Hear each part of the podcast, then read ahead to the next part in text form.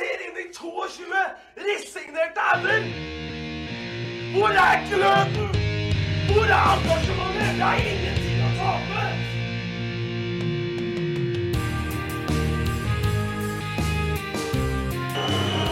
Ja, forlenges tid på Martin Ramsland. Skal du sette etter? Og så gjør han det! Martin Ramsland! Har du sett? Han kommer til å bli større enn Jesus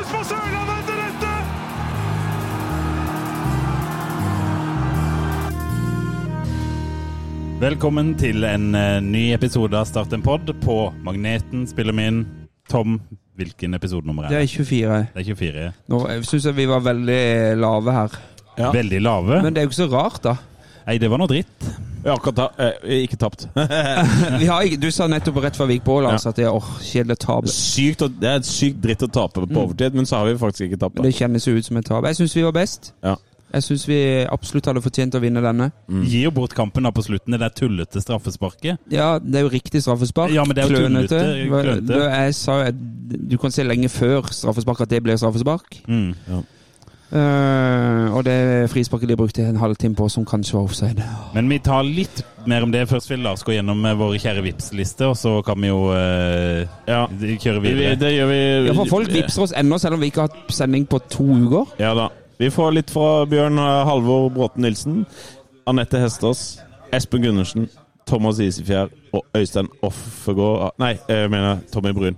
Eh, det er eh, de vi har fått da. jeg har fått en her og jeg, og det er jo vår venn eh, Kim Reimann Rasmussen som fortsetter å vippse for eh, det minuttet som Braut skårer mål i. Ja. Så i dag har det kommet 62 og 69 kroner. Ja, det er 69 fantastisk. kroner. Nydelig. Å, nydelig. Det. Men eh, vi må jo si at vi har jo fått inn eh, Vi har jo fått inn vår egen Daniel Aase i dag, da. Sånn at vi Det er jo ok å ha en ordentlig ekspert, da, sånn at det blir litt fres over analysen. Så istedenfor at vi skal sitte Ja, det var jo så det var straffe lang vei, så kan vi jo høre Skal vi bare introdusere han med en gang? Ja, vi gjør det. Vi gjør det. Jeg, om. Jeg kan prøve. jeg kan prøve. Han har uh, A-lagskamper for Start fra 2014 til 2018. 63 kamper har jeg kommet fram til. 11 mål. Han har omtrent like mange kamper som Stian Ord, Trond Norseth, Sven Kloster, den gjengen der. Fin gjeng. Han debuterte hjemme mot Sogndal i august 2014. Jeg skal spørre han etterpå hvem, om han husker hvem han ble bytta inn for. Det syns jeg er gøy. Ja, det synes jeg er gøy. Og så er han jo veldig kjent for den overtidsskåringa han hadde mot Sandnes Ulf i den 3-3-kampen når Tom Nordli rykka ned. Det var jo hans sitt første mål. Så er det jo mange som tror at siste kampen til vår gjest var borte mot Odd og utvisning og den pakka der. Det var ikke det. Det var tre dager etterpå mot Egersund i cupen, faktisk. Vant, eh, men eh, han sin um, um, Han har tre landskamper for U19-landslaget. Ett mål. Spilt mot Slovakia, Tsjekkia og Portugal i februar 2015 på La Manga. Nå har du jobba godt. Ja, fader. Han har spilt mot Hør dere, han har spilt mot Diego, Diego Yota. Er ikke det han på Liverpool? Vet ikke. Han har vår gjest uh, spilt mot. Lars Jørgen Salvesen, velkommen til starten på den. Tusen takk for det. Ja, da. Ja, dette er veldig bra. Han har også spilt mot eh, Ruben Diaz, faktisk. Stemmer det? Kan du huske det? Diego Yota, Ruben Stemmer Diaz. det? Eh, det kan være det samme, men jeg jeg Ja, er ikke klar over det. Du er ikke klar over det, nei? Men nå vet du det. Ja, Dette sjekka jeg senest i dag. Takk, Eh, ja. Du har jo stått her. Hadde du noe mer, Tom? Nei, nei, jeg har ikke noe mer. Har du et Eh, spørsmål? Kan du ikke ta det med en gang? Jo, det ja, kan jeg svare jo. på. Ja, det er hvem du ble bytta inn med. Det er Espen Hoff. Ja. Helt riktig. Helt riktig. veldig. Det er en flott fyr, det òg. Innopp i 91. minutt. Ja, det var det. Fikk ett touch på ballen, mista ballen, og så var kampen Det ferdig. var, husker du Erlend Segberg sin debut? Det var jo noe sånn sykt dårlig mottak. Det sitter liksom støpt. Men de der, når man får, får sånne innhopp på ett minutt, eh, betyr det noe, eller føles det bare dust? Der og da betydde det jo selvfølgelig veldig mye. Ja. Det var jo første kampen i, eller minuttene i Eliteserien, så det er noe man jobber hardt for. Så i begynnelsen så Litt sånn som det er for unggutta i alle, alle klubber, så er det jo først å være med på benken, og så få et innhopp. Og Ja. så etter hvert starte, ikke sant. Så Ja. det er liksom veien man går, da. Men uh, vi må Skal vi snakke litt om uh, Skal vi få inn uh, I og med at vi har da, altså vår egen Daniel Aase, så må Du vi kan jo bare høre kalle meg Daniel resten av sendinga. ja, ja, jeg kan kalle deg Daniel. jeg. Du, Daniel. Hvorfor ble det 2-2? Um, Kjør analyse. Oi! Lars er beinhard. Ja, Det er sånn det funker. Jeg kan være Daniel er litt flinkere på dette med, men eh, Nei, Jeg syns jo det er en ganske jevn kamp, egentlig. Eh, første omgang så er det vel Start som ja, De fører vel litt, men jeg syns eh, Ranheim er frampå et par ganger. Eh, og vi skal Vi hadde to eh, Jeg sier vi, altså Start Ja, hadde to eh, to, eh, to gode redninger i andre omgang nå, eh, av keeper der, som, eh, som holder oss inne i kampen. Og så eh, skårer vi to mål, går opp til, til 2-0, og da skal det jo selvfølgelig ikke, ikke ryke. Det er et klønete straffespark. Og så ser det ut som et klønete frispark òg, rett og slett. Så Ja. to dødballmål som gjør at det blir eh, 2-2. og Utrolig surt, for det Jeg tenkte på det når eh, Start leder 2-0, at det, det er sånne kamper som fort avgjør om det kan bli direkte opprykk, Mm. eller om det blir kvalik. Mm. Men når du ikke får med deg tre poeng i disse, så kommer det til å bli tøft. Det er disse to poengene du ser tilbake på og tenker at ah, der eh, kanskje det røyk. Og, eh, nå skal ikke jeg overkjøre din analyse, for den syns jeg var kjempefin. Men, eh, men jeg tenker at eh, å slå Ranheim borte, det er, lukter det direkte opprykk av. Å spille uavgjort, det altså ta, Eller miste den seieren på overtid, det, det sånt der blir det kvalik av. Eh, så, så, så tydelig kan man være når Brann og Mjøndalen allerede har stukket av. Mjøndalen vant igjen. Og Brann ser jo ut som sitt tog. Og det er bare to plasser, og nå eh, ser det Det ser allerede tøffere ut for å bli blant de to beste. Jeg ser på den her livechatten til Fevennen, så er det noen som har skrevet det er fire lag som er mye bedre enn Start i Obos. Og så har Daniel Aase svart fire lag som er mye bedre der, altså. Den er grei. Så han er ikke enig, da. Han Nei, er ikke nei, enig men det er, to, det er jo to lag som har fått flere poeng. Da. Og eh, Hadde Start vunnet i dag, så hadde de vært rett i ryggen på Brann. Og Brann kommer ikke til å miste så veldig mange andre kamper. Men Hadde klart Start eh, vunnet 2-0 i dag, så hadde det vært et knallsterkt resultat. De Yes. hadde virkelig meldt seg på der oppe. Yes. 2-2 i dag. Eh, ikke krise, Nei. men eh, gjør det vanskeligere. Og, og så hadde vi jo kanskje tatt imot den 2-2-en. Den hadde vi nok tatt imot eh, i en annen måte av kamp. Altså, OK, 2-2 mot Ranheim, ok, greit, men ikke når vi kaster det bort, sånn som vi gjør da. Det er piss. Hvordan er det å sitte i en garderobe etter en, et sånt uh, mål bak der? Nei, det er verste følelsen som finnes, det. Eh, Ja, du sa verste. Ja, verste, Ja, verste, ja. Ja, Hva tror du jeg sa? Nei, du ut som du sa beste. Ja, nei. Ja, Nei, det er det verste, verste som finnes på Altså det der når man har da leda 2-0 i tillegg, ikke sant. Ja. Eh, Det er ikke sånn at man har leda 1-0 og kriga hele kampen, men man har en trygg ledelse på 2-0. Et veldig klønete straffespark, og eh, da får det ja, siste som skjer, egentlig, eh, imot seg. Det er skikkelig dritt. Det, det var rett og slett skikkelig dritt. Men du, eh, skulle, skulle vi bare tatt det og sjekka åssen det går i garderoben, eller? Tror du han eh, gidder å ta telefonen, da? Jeg veit ikke, men vi kan jo prøve å ringe han, da. Har du avtalt med noen igjen nå, Lars? Ja, jeg har avtalt med Sander Sjøkvist, da, så ja. får vi se om han har lyst til å ta telefonen. Og hvis han ikke tar telefonen, så, så, så, så, jeg jeg tenker jeg skal ikke bli sånn kjempesinna for det. Nei. Nei. Men hvis han har lovt seg bort til starten pod, så føler jeg han må Ja, jeg skal bli litt sinna, da. Har du nummeret der? eh, Ja, nei, jeg ringer nå, jeg. Ja. Ja. ja. Kanskje han legger barn. Stakkar. Hva skal vi spørre han om, da? Du må, du Skal jeg? Det er jo du som er journalisten. Du må, stille, du må, du må ta det, Gimse. Men, men jeg skjønner fryktelig godt hvis han ikke tar den, altså. Ja, det gjør jeg også. Det kan jo hende at han eh, Altså dusjer nå. Ja. Er det første gang vi ikke får tak i Ja. Nei, skal vi, skal Vi vi, lar si at være. eh, lar han være? Vi lar han være. Der ser vi det. Der ser vi hvor jævlig det er å spille uavgjort borte mot Ranheim. Nå, ser, nå er det 35 minutter siden kampen var over, og det er fremdeles ikke kommet noe uh, hva skal jeg si, utsagn fra noen rundt i Start til media ennå. Tror du Sindre er sint? Jeg vet ikke. Eller jo, det er han vel nok åpenbart, men uh, skuffa. Jeg tror ikke han er sint. Jeg, tror ikke- jeg syns ikke denne kampen skulle eh, være noe å være sint for. Men skuffa er jo mye verre enn sint. Ja, følelsen er jo eh, atskillig verre. Ja. Men Lars Jørgen, du har jo sittet sammen med oss Vi har jo vært en ganske fin gjeng her på, i, på Magneten. Og du har, eh, du har sett på kampen sammen med oss. Og i går eh, så spilte du mot Vålerenga, vant den kampen 3-2. Ja, stemmer. Eh, Fortell meg, da som stort sett bare ser Obos, hva er den største forskjellen på Eliteserien og Obos-ligaen? Eh, ja, altså det Jeg stiller bare jævlig vanskelige Nei, spørsmål. nei, nei, nei, nei altså det gjør det jo litt vanskeligere, selvfølgelig. Det spørs litt hvordan man vil svare. Men det er jo nivået, da, først og fremst. Ja, sant? men hva er det som Det er veldig mange spillere på Vålerenga f.eks. som ikke kommer til å spille i Obos-ligaen, fordi de er altfor gode for Obos-ligaen. Ja. Eh, men eh, nå har jo både Ranheim og Start vært altså Det kunne vært en eliteseriekamp. Det har sikkert vært det for et par år siden. ikke sant? Så Eh, men for, hovedforskjellen er jo at alt går litt fortere. Ja. Eh, folk er litt bedre trent, gjerne litt raskere, litt sterkere. Ja. Litt bedre touch, litt bedre forståelse. Altså alt er litt bedre, da. Ja, hele hele, veien. veien. ikke sant? Ja. Eh, men som jeg sier, det er veldig mange på banen her i dag som fint kunne spilt i Eliteserien. Ja. Eh, og um, ikke bare med tanke på kampen i dag, nå har jeg sett en del av Start sin kamp i år. Jeg er veldig imponert over eh, Falenius spesielt. Ja. Ja. Syns han har et veldig godt driv og et godt steg.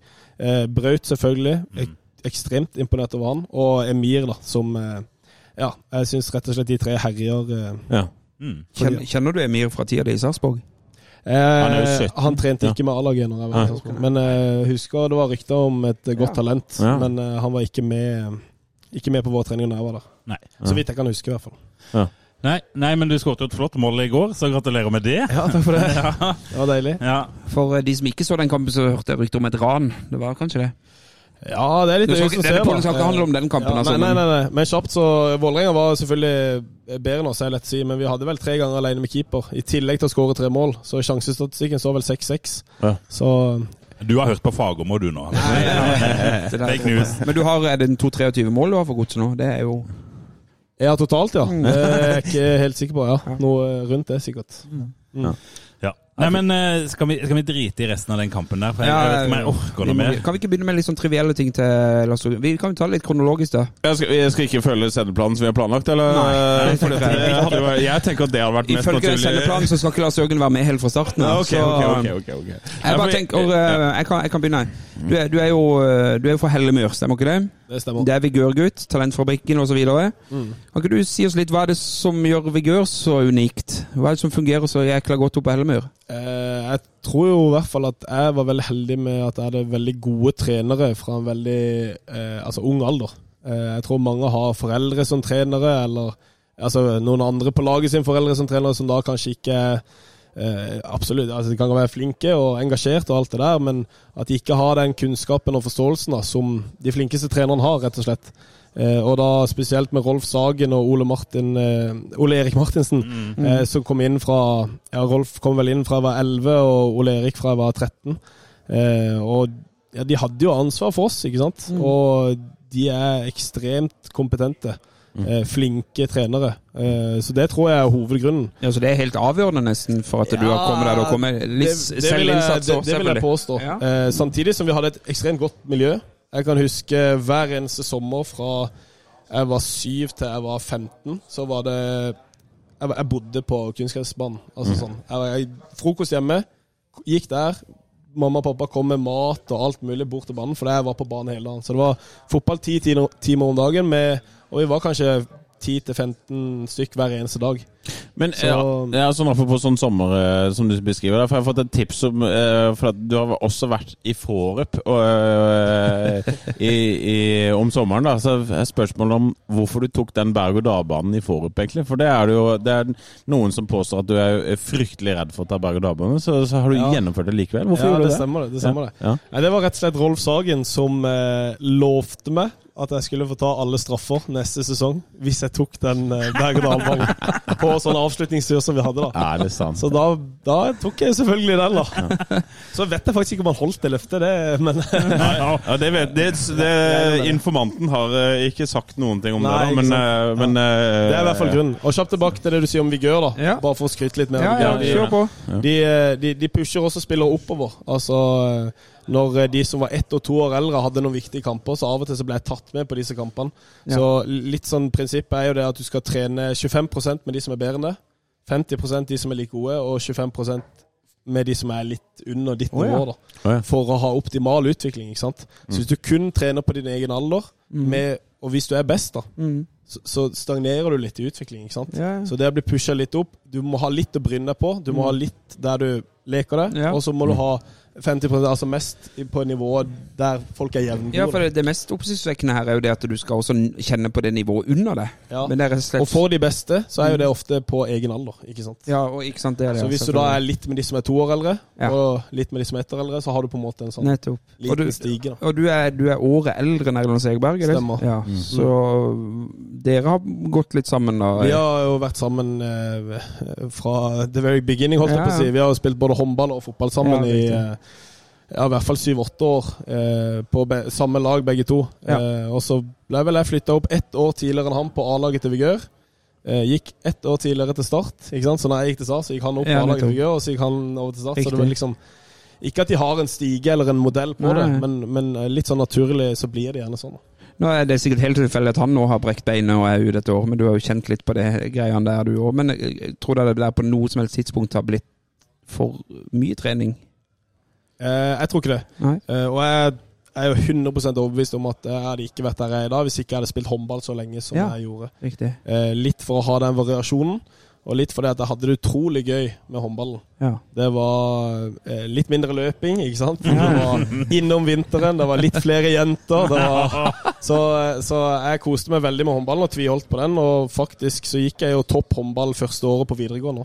Ja, ja, Ja, for det du har var jo jo eh, egentlig at jeg skulle satse håndball en gang i tida. Men du, men du Tom. Ja. Eh, eh, vi, vi må dra gjennom de der faste spaltene våre. Kan ikke du ta heiden din nå, for det passer så godt? og var det det du mente, Ja, jeg mente at vi skulle i hvert fall ta, gjøre sånn som vi bruker å gjøre. Da. At jeg skjønner at vi, jeg skjønner at vi har mista noen poeng på overtid. Der, men Ja. vi må innom Heid og Bleig og startbørsen. Men nå har vi hørt Ja. en, en fantastisk fin historie om Vigør og, og alt sånn. Men vi må innom Ja, okay, Heidebleik men eh, også. La oss gjøre ferdig de vanlige spaltene, og så kan vi eh, fortsette med Lars Jørgen her. Ja. Eh, hvem begynner? Lars Binstad begynner? Ja, jeg kan ta heiden min først, og det er egentlig Det er folket på, på Sørlandet som klarte å Eller som bestemte seg for å eh, komme på stadion mot uh, Sogndal. uh, og være der og, og være mange flere enn det har vært på mange, mange år. Og det var ikke en gratisbillett. Ah, ok, Los hadde noen gratisbilletter, men jeg tror ikke det er store, stor betydning. Det var masse folk som gikk for å se Start, og fikk se Start mose Sogndal. Og, og de må bare komme tilbake. De må ikke la det være en engangstilfelle, men komme tilbake. Og nå prater jeg med en av de gjestene som var her og så kamp med oss her i dag, som Ja. var på kampen. øh, Og en jeg har sittet på stadion med i mange år, og han sa det at øh, det å observere supporterfeltet hvor det bare kom til flere og flere folk underveis i kampen, Ja. Det er jo helt nydelig. Ja. Det er helt nydelig. Jeg hadde jo faktisk en lillebror som sto midt eh, Ja, i Bernhard, ja. startfansen Bernhard, der, ja, så- stemmer det. Og han sa det etterpå, at han hadde aldri hatt en sånn følelse på Sør Arena noen gang. Ah, Ja, det, det er det, det fantastisk. kokte, liksom. Ja, og det er, det er ukens eh, heid, og det er forrige ukes heid. Og vi må bare holde det der. Dere, dere, dere som uh, var der, Bernhard og alle de andre, kom tilbake. Helt nydelig. Har du bleik òg? Uh, ja, Oi. ja, ja, Nå, jeg skal bare Ja, for du vet Bleiken, du, Ja, jeg skal sette meg godt til rette her i stolen, for dette okay. blir orkan. Nei, men altså jeg, Min eh, det definitive ukens bleik, det er Kjetil Rekdal.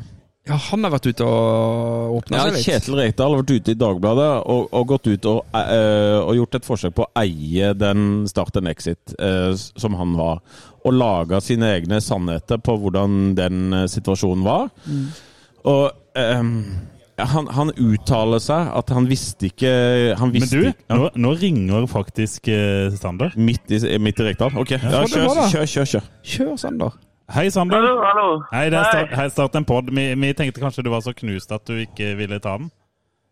Nei, vi var midt i uh, peptalken etter kamp og dusj og alt, så det var liksom ikke helt tida. Kan du si hva dere snakker om da? Hva sier du? Hva snakker dere om i den peptalken etter kampen der?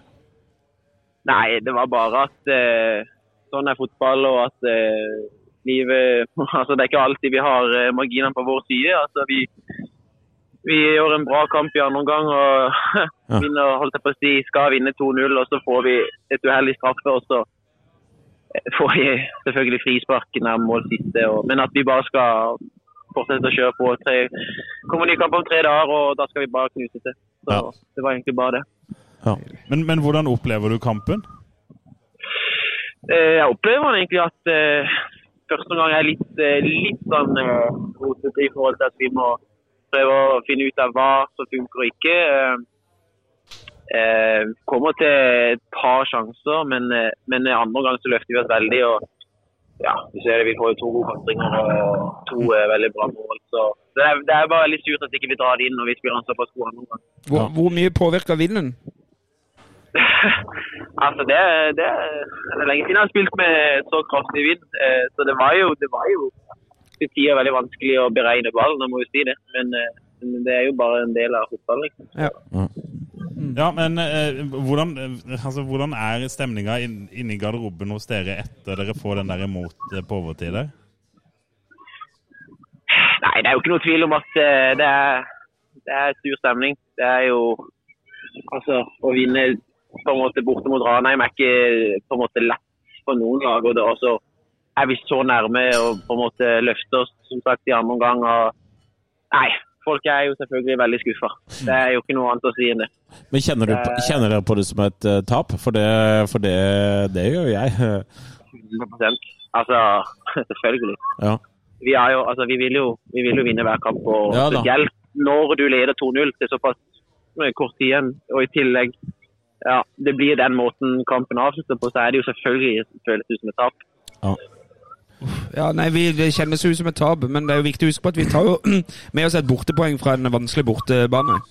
Ja. Det, Eh, Ja, ja, for all del, men som du som sagt, det er jo Når du skårer to borte mot Ranheim, så føler jeg at det skal bli seier, altså. Ja. Men, eh, men, Men- ja. Men du Sander, du sa jo at eh, det viktigste er neste kamp. da. Eh, Kan du bare, I og med at eh, de fleste av Start-supporterne hører på denne podden, kan du bare fortelle hvor sykt digg det var å være Start-spiller hjemme mot Sogndal nå sist? Det kan jeg, vet du. Nei, det var, det var helt ekstremt. Det, det er lenge siden. Altså, jeg har aldri spilt foran så mange eh, supportere, og i tillegg skåre fem mål og sol og folk som skriker. Nei, altså, det, er, det, altså, det er da det er gøy å være fotballspiller. Når det er, når det er sånn atmosfære. og Det er egentlig helt utrolig. Ja. Så alle må komme tilbake på, på torsdag når dere skal feie Raufoss rett ut på sjøen der. men Ja, ja. fint vær òg. Selvfølgelig må de det. Det er bare å sette hat trick på Braunt og Brunes og Sjøkest. Det blir så mange hat trick på torsdag at det er ferdig. Jeg har det bare å kjøre på. altså. Men du, skal dere fly rett hjem nå, eller er det noe lang overnatting og noen buss og noe dritt? Nei, altså, Vi har fått beskjed om at det ikke går noe fly i hvert fall nå, så vi sover over til i morgen. Og så har vi ei økt på utenfor Lerkendal der, og så, og så er det hjem på ettermiddagen, tror jeg. Men jeg har flydd mange ganger fra Værnes, og hvis det ikke går flyvning fra Værnes nå, så skal du være jævlig glad for det. altså. For det hadde, det, det hadde du knapt kommet deg opp i lufta. altså. Ja, altså, det var så turbulent eh, på vei der, så Nettopp, jeg er glad jeg, glad jeg lever. Ja, Der ser du. Det der, den har jeg kjent på, den følelsen har jeg kjent på sjøl. Så det, det, vi legger skylda på turbulensen. Vi gjør det. Ja. eh, takk for at du ringte opp igjen, da, Sander. Og så, så ses vi, skal vi si det, på torsdag, og så slår vi Raufoss. Ja. Jeg håper det kommer så mange som mulig, og så får vi en god opplevelse nå. Og så er ja, denne kampen i hvert fall eh, ut av, ut av Hva skal jeg si Systemet. Ut av verden. Ja. ja, men Det er flott. Du får hilse gjengen, og så skal vi skravle videre her, ja, vi gjør det. Hei, strålende. Ja, Ha det godt. ha det. Hei. Ha det. Ha det. Du, det var jo eh, imponerende at han ringte opp igjen. Ja da. De gjør jo det.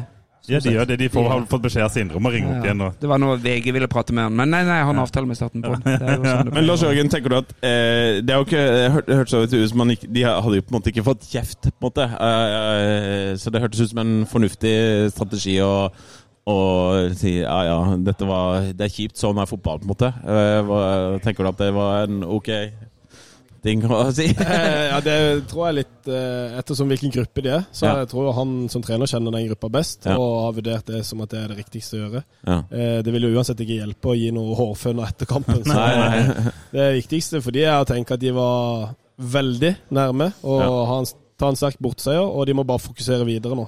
For de har tross alt vært ganske gode. og Eh, ærlig mening er at de har fortjent mer enn det de har fått. da Ja, tanke ja. på Mjøndalen-kampen Ja, med tanke på denne kampen. Ja. Så eh, ja, de må egentlig bare fortsette med det de holder på med. Ja. Men Lars, nå ble jo du heldigvis, holdt jeg på å si, kanskje? Nei, jeg er ikke ferdig med Kjetil Rekdal. Sånn at eh, Kjetil Rekdal kan jeg kan nevne kan snakke om han en gang til. For at jeg bare begynner på nytt. For min brag det er Kjetil Rekdal, eh, som igjen har vært ute eh, Som er ikke igjen, da, men han har vært ute i Dagbladet og, og tatt eierskap i, i hvordan han forsvant ut av klubben.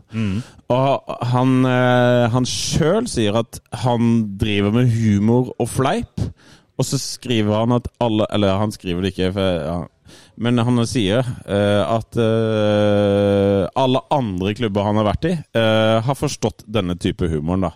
Og så tenker jeg at i den avtalen med hans exit, så ligger det jo Uh, avtalen om at de ikke skal uttale seg. Så det er utrolig enkelt for Rekdal å skape sine egne sannheter. Sånn at han nå sitter plutselig med eierskap til denne situasjonen. Og så sier han sånn ja, det var jo humor, det fleip. De skjønte ikke humoren min. Eller ja, ja, det, hvorfor sa de ikke noe?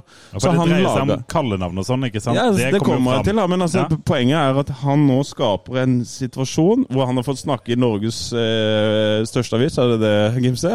Ja, det er det, er det snart. Det er det snart. Så har han fått, fått lov til å skape den situasjonen at det var humor. Eh, Men hva slags konsekvenser kan han vente seg hvis han har brutt ja, men en Poenget avtale? er jo at han Det er jo ingen grunn til å tro at han, Rekdal ikke oppførte seg stygt mot andre i klubben. For, for det er ingen grunn til å tro at eh, Start og, og, og styret og de som jobba i den klubben, opplevde at det var noe kjipt som skjedde der. For ellers hadde han ikke fått sparken. Jeg tenker Han sier det sjøl ved at 'jeg har slutta med dette nå'. Han har slutta å gå på kasino, han har slutta å ha kallenavn på, på folk. Det betyr jo at ja, da hadde de kanskje rett, kanskje ikke skal være Ja, han sånn. sier jo at han ble lurt av Start, og det mener jeg det er en åpenbart Det er jo en, eh, det er jo en, eh, det er jo en forfalskning av eh, hele historien, på en måte. At du, hvis man mister jobben Uh, i en klubb fordi man har vært ufin mot sine kollegaer, det er ikke å bli lurt. Det er det eneste riktige å gjøre. Start gjorde det eneste riktige. Uh, De som jobba der, nei, opplevde at noen behandla de dårlig over tid. Da må man ut. Ja. Og så øh, sier Rekdal også ferdig. Nei, jeg er ikke ferdig, og så sier Rekdal også Han kaller den exiten for en stygg lærdom. Samtidig som han sier at han ikke kjenner igjen noen ting av det Start har sagt. Hva er lærdommen han har hatt, da? Det er ingenting, da. Hva er det han har lært? Han har jo, det eneste han har lært, er at han ikke kan drive humor. På hans måte.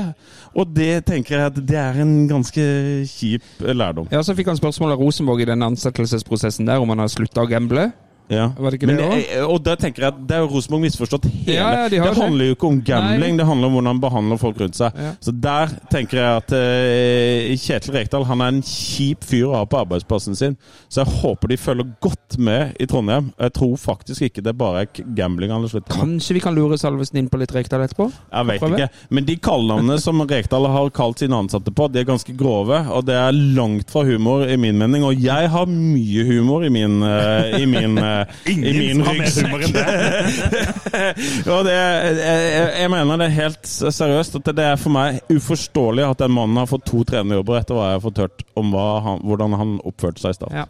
Og hvis det stemmer, det som på en måte som har kommet deg for øre, og i det hele tatt, så er det jo helt hinsides. Ja. Det er det. Så sånn er det. Ja, og det er som. Kjetil Rekdal ukes bleig, og den, vet du hva, det er årets bleig. Årets Bleig fra Lars Benestad. Ja, det blir applaus i lokalet fra, fra Naukland-gjengen her. Um, Gimse, da- kjør du. Ja, uh, jeg sliter med bleik, for det blir litt sånn uh, overtidsmål imot-greie. fotball kan være bleik, for jeg hater det du, drittgreiene. nå hater du livet litt. Ja, nå hater jeg livet litt. Mm. Jeg tror det er veldig mange som er skuffa over at jeg ikke har ranta på Twitter, men jeg blir for, for motløs til å gjøre det. Eh, Heid. Eh, en dong. Basse? Basse, Ah, som vi har funnet at vi skal kalle han. En dong. Oi, altså, for det raidet er den flotteste assisten jeg har sett på lenge. Det er på, på Det var litt sånn han holdt på med mot Mjøndalen i den cupkampen Ja. i, i fjor, det. Altså, han- Så han begynner virkelig å se ut som det vi håper han skal være. Så en, en heit til Basse, en dong. Ja, ja. Fullt Eh, fortjent. Nei, det er gøy at han er inne i varmen og spiller mer eller mindre fast nå. Han Eh, eh, deilig. Ja. Så Tom, Ja, jeg kan ta Bleigen først. Ja. eh, Og det er først og fremst Jeg vet ikke hvem de er, men det er garantert noen som vurderer å droppe å gå på stadion nå på torsdag pga. det, to, ja, det, to, det er sånn vi eh, henger sammen. Eh, de vil være Jeg vet ikke hvem de er, men noen er det. De vil være min ukas bleik. Ja. De som nå vurderer å droppe å gå på stadion fordi vi fikk eh, 2-2 imot på overtid. Bare husk hvor gøy det var sist på hjemmekampen mot, ja. mot Sogndal. Mm. Det er meldt fint vær på torsdag. Det skal regne i to dager i Kristiansand, har jeg hørt. Men det skal være fint på torsdag. Ja. Det er fridag. Kampstart klokka seks. Raufoss. Det er bare å komme. Start spiller ikke dårlig fotball om dagen. Bare se på de to målene vi hadde i dag. Kjempe, kjempebra. Så er det litt mer tilfeldigheter som gjør at vi slipper inn to. Men eh, ikke dropp å gå på kamp på torsdag. Nei. Bare pga. dette her. Det vil jeg ikke. Hei. Og, og min heid er egentlig vår gjest, Lars Jørgen Salvesen, som har valgt å skal jeg si, kaste bort to timer på å sitte og se på Start. Nei, Nei, ikke kaste bort. Nei, jeg sa jo Nei. hvis jeg, jeg, Ikke kaste bort, overhodet ikke. Men jeg så jeg tok han i å klappe og juble når Start skåret der. Det syns jeg er deilig. Ja. Det er, han er fremdeles en Start-gutt. Er du ikke vel, Ja, det er klart det. Og jeg heier jo på Start. Jeg, jo kanskje, jeg kan ikke si at jeg er like fan som dere, men eh, altså, det ligger der jo latent fra, fra barndommen, ikke sant. Mm. Var på stadion i 2005 og hadde sesongkort. Det var jo en som ønska meg til jul i mange år i ungdommen, så, Nydelig. så det er klart jeg er Start-supporter. Herlig. Deilig. Nei, altså, du skal få Heiden, Lars Jørgen, for at du stiller opp og, og ser på fotball sammen med oss. Og at du er en av gutta. Skal vi ta skal vi ta en jingle? Det er en fin overgang. Ja, ta en jingle. Skal vi ta en jingle? Jeg er ikke ferdig! Nei! Det er ikke vi heller. Men du, Ja. da kan vi jo gå videre på, på gjesten. Eller bare, skal vi bare ta børsen? Ja, jeg går for børsen, eh, ja. børsen fem. Ja, fem. Ja, jeg er på syv. Nå, nå, nå var det like før det kom en halv desiliter øl utover eh, tastaturet. Eh, nå- Ok, da, da kan jeg begrunne Du, du, var, du var på ti etter Sogndal uten at vi Nei, spilte inn jeg var pod. åtte.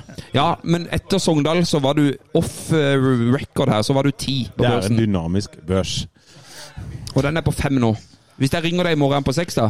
Det kan godt hende, for da begynner jeg å se på neste kamp. Ja. Men eh, den der følelsen av å, å slippe inn det målet på overtid, det er nok til å gå fra ti til fem for det supporterlivet det er i nuet for okay. meg. Ja. Okay. Fem. Fem, ja. Og Gimse, du sa jo også fem. Jeg vil gjerne ha en begrunnelse. Jeg synes det var litt for kjapt. Jeg vet vi har gjest og venter her, men Ja, det er bare skuffa. Bare skuffa. Kan jeg komme litt som en fredsmegler inn fra sida? Ja, ja, fint. kjør. Jeg har hørt mye diskusjoner om denne børsen. deres. Ja, den er dynamisk. Sånn jeg har forstått det, etter jeg har hørt på alle episodene deres, sånn jeg har forstått det, så handler denne børsen om den siste uka, ikke sant? Ja. Så det er der de ligger, Ja. og hva som har skjedd den siste uka. Ja. Så det kan være alt fra ikke sant, da, én til ti. Ja. Og det er jo det dere må Dere tar seg hensyn til hvor de ligger på tabellen, hva de gjør i forhold til alle andre ting. Men hvem er du mest enig med? Hvem er du mest kun, enig med her, da? Kun siste uka som gjelder, er det ikke det? Jo, jo, det var, det var tanken. Altså, Jeg tenker, jeg tenker siste uka nå.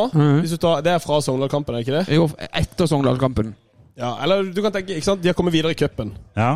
Den er med. Mm. Og så har det ikke skjedd så veldig mye utenom. De har ikke fått noen skader. ikke sant? Trekker ikke ned. Det har ikke noen voldsomme sponsorgreier som kommer inn, eller noe sånt, som jeg vet om. Og så spiller de 2-2 i dag Ja. mot Ranheim. Ja. Bortekamp i Obos. Ja. Vanskelig bortekamp i Obos, men de spiller 2-2.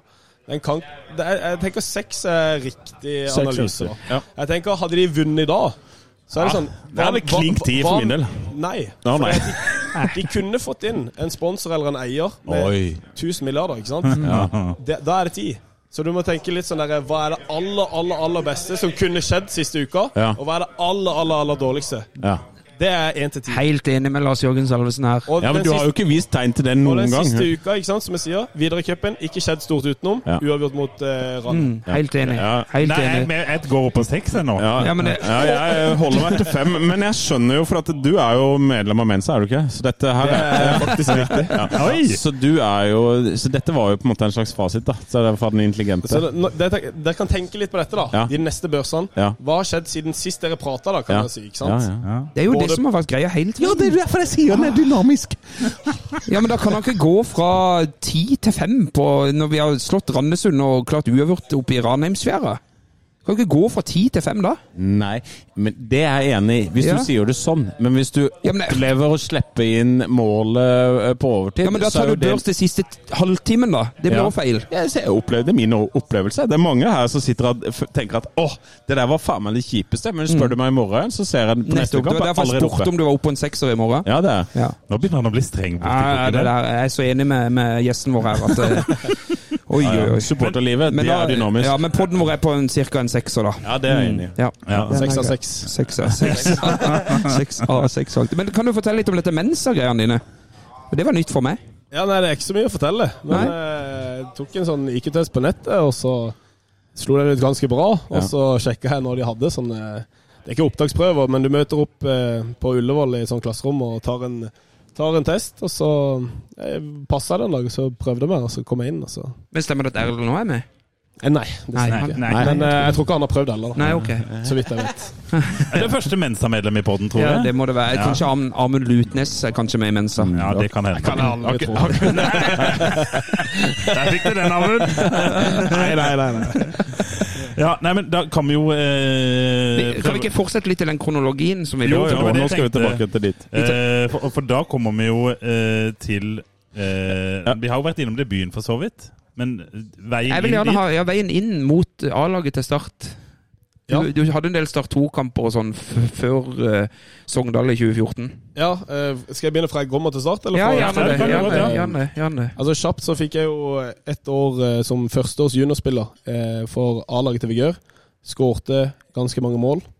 Eh, litt morsom historie, bare for å ta Ja, det ja, kjør. kjør. Jeg var jo egentlig midtbanespiller, Ja. og så skårte jeg veldig mange la mål for juniorlaget. Så når jeg ble tatt opp til A-laget til Vigør, så trodde de jeg var spiss. Ja. Og så de putta meg på spiss. Jeg turte jo ikke si ifra, og så fortsatte jeg å skåre der. Og så henta jeg jo Start med, og da hadde det jo aldri vært noe tvil om at jeg var spiss. ikke sant? Nei. Så det var ett år for eh, A-laget til Vigør, tredje divisjon. Ble henta til Start. Ehm, fikk en sånn eh, eh, Altså, det var toppspillergruppe, var det de kalte det. En Ja, gruppe det- det til. Bård Borgersen. Det var fire spillere som da skulle rullere De var i altså i A-troppen, men de skulle hospitere ned til Start 2. Ja. Så i en måned er det fire uker. Tre uker var du med A-laget, én uke var du med Start 2. Hvem var de tre andre? Eh, før, I begynnelsen så var det Omar Markovic, Jon Olav Norheim og ehm, Mathias Rasmussen. Ja, nettopp. Det var Ja. første. Året etter så ble Omar og eh, Jonna bytta ut med Vikne og Segberg, hvis jeg ikke tar helt feil. Men er ikke det ganske likt det som uh, du beskrev i Vigør? da? At du skal møte uh, både høyt og lavt og Jo, det kan du godt si. Ja. Eh, og så ble det jo etter hvert sånn at Det var jo Mons og de som var A-lagstrenere, så hvis Mm. det var noen de Altså etter hvert så ble det sånn at jeg ikke trente med Start 2, da, for å si det sånn. ikke sant? Jeg Ja. bare var med på A-laget hele tida. Mm. Men det var òg litt sånn dynamisk etter hvem de ville ha. Men i utgangspunktet så rullerte man da. Så én av oss fire var en uke med Start 2, og tre av oss var med A-laget. da. Ja. Eh, så egentlig en veldig fin løsning. Eh, var del av A-troppen da. Og, og bundet opp altså sånn kontrakten Det var veldig viktig for meg når jeg dro dit, at jeg skulle trene da fast med, eller regelmessig med A-laget. Mm. For det som er veldig fort gjort hvis du kommer inn i Start 2, er at du får hospitere av og til. Så har du kanskje to-tre treninger på å vise deg frem. Og hvis ikke det går helt veien, som det gjerne gjør i begynnelsen, sant? Så, eh, så er man rett ned, og så tar det lang tid før du får neste sjanse igjen. Eh, så det var jo sånn hovedgrunnen til at For det, jeg var ganske skeptisk på å gå i begynnelsen, jeg må innrømme det. Mm. Uh, At du kunne ha bedre utvikling av å spille fast på Vigør? ja, altså da var det jo Start 2 og Vigør var i samme divisjon. Ja, nettopp sånn. Ikke sant? Mm. Og jeg hadde skåret to-tre mål mot Start 2 for Ja, Vigør. Så det var sånn Ja, jeg vet jeg kommer til å spille for Start 2, men da trenger jeg treningshverdagen min er, er høyere enn tredjedivisjon. Ellers kan jeg like godt bli. Mm. Eventuelt gå til første eller andre divisjon. Mm. Ikke sant?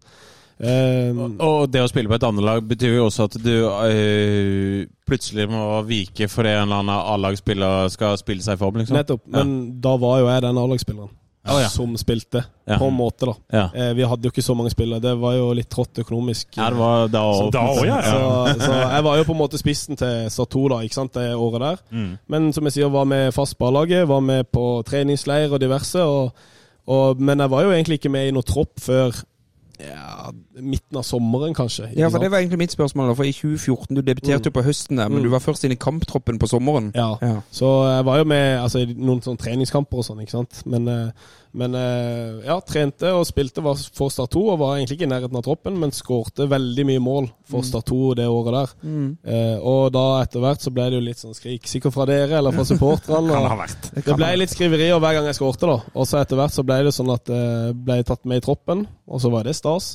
Og så ble jeg tatt med regelmessig i troppen, og så merka jeg at det, det nærma seg et innhopp etter hvert, og så fikk jeg jo det utover høsten her, da. Mm. Og så fikk jeg jo da eh, andre innhoppet i nest siste kampen. Det er den kampen mot Sandnes Ulf. Mm. Den husker jeg veldig, det Eh, målet husker jeg jeg så godt. skårer. Og så får jeg jo starte da, aller siste serien. Da tror jeg vi Jeg husker ikke hvilken plass vi var på, men vi kunne ikke gå opp eller ned. Mm. Så da starta jo både meg og Jon, Jon Hodnemyr og, og litt sånn fikk første starten, da. ikke Ja. Og du sendte, du sendte Tom Nordli ned en divisjon. Tenk på det. Ja, tenk det. Det, det Men la eh, vel lang i kjapt maska. angående den siste starten der, det var mot uh, Vålerenga på Ullevål. Og jeg har aldri følt meg så liten noen gang. Jeg løp kun imellom. Ble bytta ut til pause. Ja. Mons Iver Mjelde sa til meg hvis noen spør, så tråkker du over. Sa han det? ja, så det var siste før juleferien. Ja, var, det, var, det hans, var det hans måte å si at dette var dårlig? Eller? Det var nok eh, han som var litt mer redd for å bli tatt på å bytte meg ut. Hvorfor bytta du han ut? ikke sant? Mm, ja. Media og supportere og sånn. Så hvis det ble noe snakk om det, da, så Ja, fy fader. Hvordan kjente du på det sjøl, liksom, når, når han sier det? Hva, hva Men føl, hva, Følte du sjøl at du hadde spilt ræva, liksom, eller bare løp imellom, eller det var jeg, spilte, jeg, jeg kan ikke si at jeg spilte ræva, for det var ikke borti ballen. Ja. Så jeg, sp- jeg spilte egentlig ikke. Jeg, kunne like godt hatt svart drakt og dømt kampen. ja. Men, Men jeg snakka litt med Herman Stengel, jeg spiller på lag med han nå. Han spilte jo den kampen, han skårte jo De vant 1-0. Ja. Eh, og han husker jo det, for det, da var de fire stykker. To dype, han og Grindheim. To stoppere. Og så skulle vi presse i 4-3-3, og jeg var alene spiss. Jeg løp jo mellom de fire i Eller jeg løp sikkert en mil i første gang, ikke sant? Så, nei, det var Jeg husker, jeg husker at jeg var så i Start Viking for mange år siden. Det var Brede Hangeland sin debut. Han ble også bytta ut etter pause. Og jeg tenkte at det, han der han blir det aldri noe av. Ja. Og Det var jo virkelig kjempegod analyse fra min del, da. Men, øh, men det er jo man, man, er jo man er jo liten når man debuterer. Men det som er i begynnelsen, av det er at det er jo en fantastisk læring. ikke sant? Og Ja. da tok jo jeg med meg inn i ferien og Ja. inn i neste oppkjøring. Så tok jeg med den erfaringa. ikke sant? det masse motivasjon òg, da. Ja, og da hadde jeg kjent det på kroppen. ikke sant? Så da visste jeg hvor nivået lå, og trente da ut ifra det. ikke sant? Så det Ja. nivået jeg trente på i den vinteren og den ferien, var jo mye høyere enn det jeg hadde gjort året før igjen. ikke sant? Ja, fett. Men den vinteren over i 2015 der, da Ja. begynte jo den virkelige nedturen. Eh, kan du huske noe fra den tida der? Var du med i førstelagsplanene og sånn eh, inn mot 2015? I 2015? Ja, altså, jeg fikk vel eh, A-lagskontrakt, da. Eh, Ja. Så istedenfor å være i den toppspillergruppa, så ble jeg flytta opp eh, som permanent A-lagsspiller. Eh, og Mons var jo fortsatt trener, Ja. ikke sant. Eh, Inntil eh, og videre, i hvert Fikk vel inn Odd Berg. Odd Berg, ja, som stemmer det. uh, assistent. Hadde et veldig godt forhold med han. Han Ja. var veldig opptatt av oss unge. Ja. Uh, med Ayer, Rasmussen. Mm. Eh, tok eh, godt vare på oss og trente mye ekstra med oss. da Mm. eh, Så sånn, sånn rollen Bård hadde hatt for meg året før, da med å liksom være på A-lagstrening og ta vare på de unggutta, fikk liksom assistenttreneren året etter. da Så det er på en måte litt sånn et hakk opp på stigen. da eh, Så ja, fikk jo mest innhopp eh, og et par starter i 2015. År, hvis Ja. ikke det er helt feil. Men var det sånn at var, eh, var, Matti var fram til sommeren? Nei, Da, eller var det året før? Var det i 2015? Hadde, var Ikenna og sånn med og disse her, eller? Jeg husker ikke akkurat hvilke år, men det var jo Ikenna var jo der. eh, Men det tror jeg kanskje var med Steinar. Men det, det er ikke helt uh, Nei, det klappes for Ikenna for første gang. Ja. Nei, det Ja. kan være han var med Mons. Jeg er ikke helt sikker på disse årsallene på alle. Ja. Udvak og Ikenna. Nei, du, jeg tror eh, det må ha vært sommeren eh, 2015 at Matti gikk. For Ja, jeg husker nok eh, at for jeg var på en kamp den sommeren. eh, Vant 4-1 mot Stabæk. Det er den siste vi vant. Ja, og det var den siste med, og de spilte, det var altså så god kamp. Ja. Feide over Stabæk i nydelig vær. Ayer skåret to mål. Ja. Vet du hva jeg sa etter den kampen til min gode venn Anders? Jeg sa sånn eh, Du vet hva, det var deilig å vinne den kampen, for nå rykker vi i hvert fall ikke ned. Men det hadde du rett i, da. Men du hadde jo liksom eh, De, de med Lars Jørgen Kjempermol på den tida der var jo Mats Stokkelin, Mathias Wilhelmsson, Åsine Kenna, Lasse Sigurdsen. Ja, for, Mats Stokkelin kom inn fra sommeren. Ja, da. ja, ja, det. stemmer det. Mm. Men det, det høres jo ut som et eh, godt eh, trening, en god treningsgruppe, da, eh, i hvert fall. Men uh, det er jo en, en eh, diskusjon i hvert fall jeg har hatt med meg selv. Uh, hvor viktig Mathias Wilhelmsson var i det laget, da, i og med at han ble solgt, og så bare rakner det. Mons Ivar Mjelde har vel sagt noen ting om det tidligere. Altså, hvordan, hvordan vil du beskrive hans rolle i garderoben, i og med at vi, så lenge han var der, så var vi et ordentlig eliteserielag, og det han forsvant, så var vi ikke noe mer? Ja, altså når jeg var der, så var det jo på en måte jeg som var nærmeste konkurrenten hans i den periode. Ja. Eh, Lasse Sigurdsen kom jo også inn, og så var det jo Ja. vi to som kriga mot han. Men jeg tror jo aldri, det har jeg skjønt nå i ettertid, da, at han aldri så på oss som noen ordentlige konkurrenter. Ikke Nei, sant? nei. For det, det var han som spilte. Ja. Eh, og, og det viser Altså, alt viser jo bare hvor viktig han var. Ja, ja. For han, han jobba, han vant baller, han holdt i baller, han Ja. skårte mål. Nettopp, ja. Så uh, Så det var mer i kraft av hans uh, eh, Hva heter det? Altså, talent, det er jo ikke talent. Tilstedeværelse. Nei, ikke tilstedeværelse. Mer hva han gjorde på banen, mer enn personligheten hans. Ja, men han, han var veldig fin utenfor. òg, okay, ja. Så han var ikke noe sånn der Selv om vi var konkurrenter, som er Ja. Trodde, da, ikke sant? Hvis, hvis du kan si det sånn. Selv om jeg, jeg Så likte jeg han veldig godt. Han tok Ja. veldig vare på oss, han inkluderte oss. Han, eh, han kom med innspill og alt sånt der, så han var en fantastisk fyr både på og utenfor banen. Så Ja. eh, er nesten en perfekt spiller, eh, vil jeg nesten si. For det Hadde alle vært som han, så hadde det vært høyt nivå. Det hadde vært fred i verden òg, da. Ja, det hadde det faktisk vært. Og på den tida der så var det jo mye unggutter på vei opp, som sagt, pga. dårlig økonomi. Det var jo noen ordentlig rutinerte folk der da. Mathias Wilhelmsson var jo ikke så 29-30, men du hadde jo Espen Hoff, for eksempel, på 35. Hvordan Var det en sånn sjuende, sjuende far i huset, eller? Ja, det var det absolutt. Mm. Eh, meg og Ayer hadde et veldig godt forhold med Espen Hoff. Ja. Det, Å, ja. Ja. ja, hadde mye morsomt med Espen, og ja, tok godt vare på oss. Som jeg sier om Mathias, litt samme om Espen. Det, det fins egentlig veldig få sånne folk i toppidrettsverden, ikke sant. For der er det veldig mange store egoister, tenker på seg selv og sånne ting. Eh, Espen kanskje litt over the top, ikke sant? så mye lettere da. Men for Mathias sin del så fikk jo han en fantastisk karriere etter han gikk. da. Mm. Så um, all kudos til de for det de holder på med nå. Det er noen som må på do. Skal vi ta en liten pause? Vi tar en kjapp Ja, pause. Pølser selges nå til halv pris. Altså pølser til halv pris ute i kiosken. Savner Per Svein litt, eh, Drammen. Per Svein er fin. Ja. Det er han. Har, dere- har dere en sånn en figur i Drammen? Ja, det har vi. En som har kommentert eller vært spiker siden Han 19 har vel- Pilerbu? Ja. Ja. Jeg vet ikke hvor lenge han har vært Nei, der, riktig. men, Ja, men det er fint. Men ikke fra Det er ofte litt sånn som- tradisjon i Spikerbua. ja, det er det. De holder ut. De holder ut, Men du, vi var i 2015, dere. Og da er det jo en kamp på høsten der. Ja. Som eh, var litt vesentlig for eh, alle rundt bordet. I hvert fall fra meg, mm. som kommer fra eh, Hvor er du fra? Det vet vi. Fevik. Jeg vil Fevik er det, ikke si Grimstad, men det er jo samme kommune. Riktig. Eh, den var litt viktig, den kampen der. Ja. Eh, hvordan opplevde du den? Eller de. Det var vel to kamper? Ja, de, ja. ja. Det var jo Ja, først nei, å spille på eh, skøytebanen i- på Levermyr. Ja, bare gå litt tidligere, så Mm. fikk jo eh, Mons og de ikke sant, de røyk jo, og så var Ja, det jo ja, Bård sånn, ja. Borgersen som Ja, tok til, eh, altså over. Ja. Eh, sammen med Mathias Andersson, som da hadde Bård hadde fulgt med året før, og Mathias Andersson hadde vært treneren min for Start 2 i hele den perioden. da. Ja. Eh, og så, eh, for å gå til de kvalikkampene, så er jeg jo faktisk ikke med i troppen første kvalikampen. Nei. Og det var jeg både ganske irritert og skuffa over på det, den tida. Mm. Men eh, det ble jeg ikke, så bortekampen der var jeg ikke med. Hjemmekampen var jeg med i troppen, men jeg kom ikke innpå. Nei. Stemmer det. Jeg Så det er eh, kvaliken for meg, men eh, den hjemmekampen det er jo kanskje en av de beste opplevelsene jeg har. da For det, Ja, fra Sør Arena, på en måte. ja, Ja. for jeg visste hvor mye det betydde for eh, alle i klubben, Ja. rett og slett. ikke sant? Helt fra Even Øygreie og ned Ja. til oss som eh, spilte, holdt jeg på å si. Så Ja. det betydde arbeidsplasser, det betydde eh, potensiell konkurs, alt det der. Eh, og da få Og så selvfølgelig ikke sant, ekstra mot Jerv Mm. og alt det der. Så nei, det var en sånn ekstrem utladning å vinne Mm. den kampen. Og ja, det var veldig gøy. Det var mange, Tror- tror mange du- som hadde det gøy den kvelden Ja. der. Oi, Jeg skal ja, love jeg deg. helt enig. Jeg traff Lars Ja. Jørgen, han husker ikke det, han, men jeg traff han den kvelden litt Ja. seinere Ja, i Jeg vet, jeg vet Kristiansand. bare at jeg røyk veldig tidlig den kvelden. Grimstad er en bydel i Arendal, og det har det alltid vært. Det er vært. bare piss, Lars Benestad, men det kan vi ta en annen gang. Ja. Men, men eh, tror du Alex de John noen gang kommer til å ha en større opplevelse i livet enn akkurat det der eh, 3-1-målet? Nå skal det sies at han spiller jo i MLS, og det er Ja, ja, ganske mange supportere på de kampene hans. Men spørsmålet mitt Ja. står Nei, det, det kan være at han ikke har. Men det kan være at han har nå. Så det er ikke klink. Nei, det er ikke klink. Det er mulig, det. Men den vinteren der så hentet vi jo Steinar Pedersen. Ja. Ja. Åssen var det å spille under han? Og han Nei, det var eh, ganske spennende og gøy i, i oppkjøringa der. Eh, Da prøvde vi eh, Altså egentlig det han hadde gjort i Jerv, da. Mm. Eh, Jeg husker Ayer og Ovello, vel, hvis han var der fortsatt. Ja, det var nok. Sentralt. De to skulle liksom droppe ned og få ball, og, og litt sånn eh, kul måte å, å, um, å spille på. Eh, og trente ekstremt hardt. Mm. Jeg tror nesten ikke jeg har trent eh, så hardt siden i en, i en oppkjøring.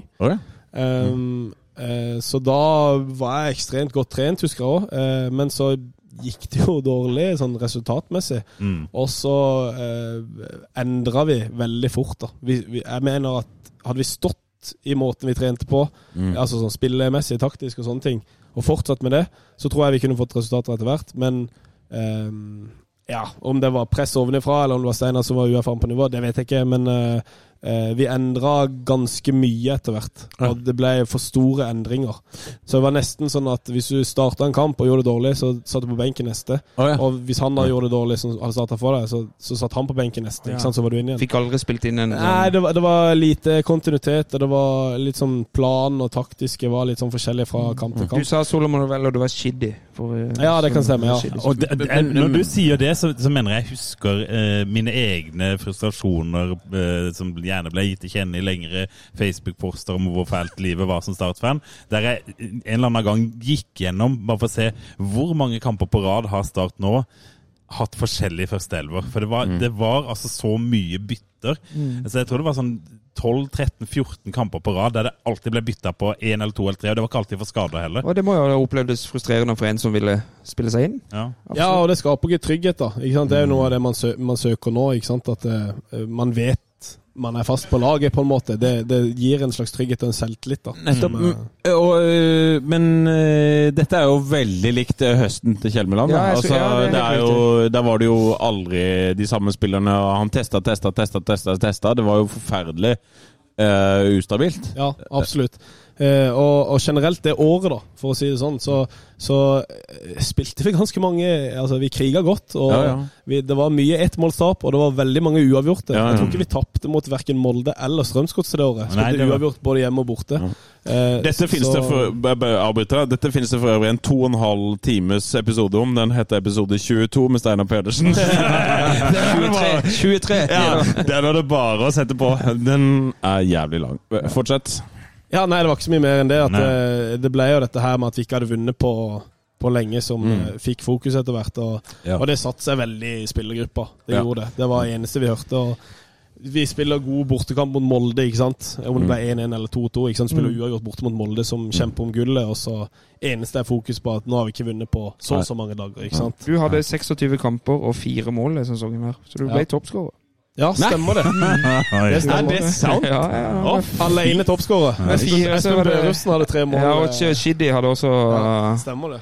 hadde tre mål. Så, men jeg bare tenker, det er, alt- jeg elsker jo dette å se gjennom troppen i 2016. Ja. Jeg tenker Vi kan, vi kan, eh, vi kan eh, nevne et navn som aldri noen gang før eller siden kommer til å bli nevnt i denne podden her.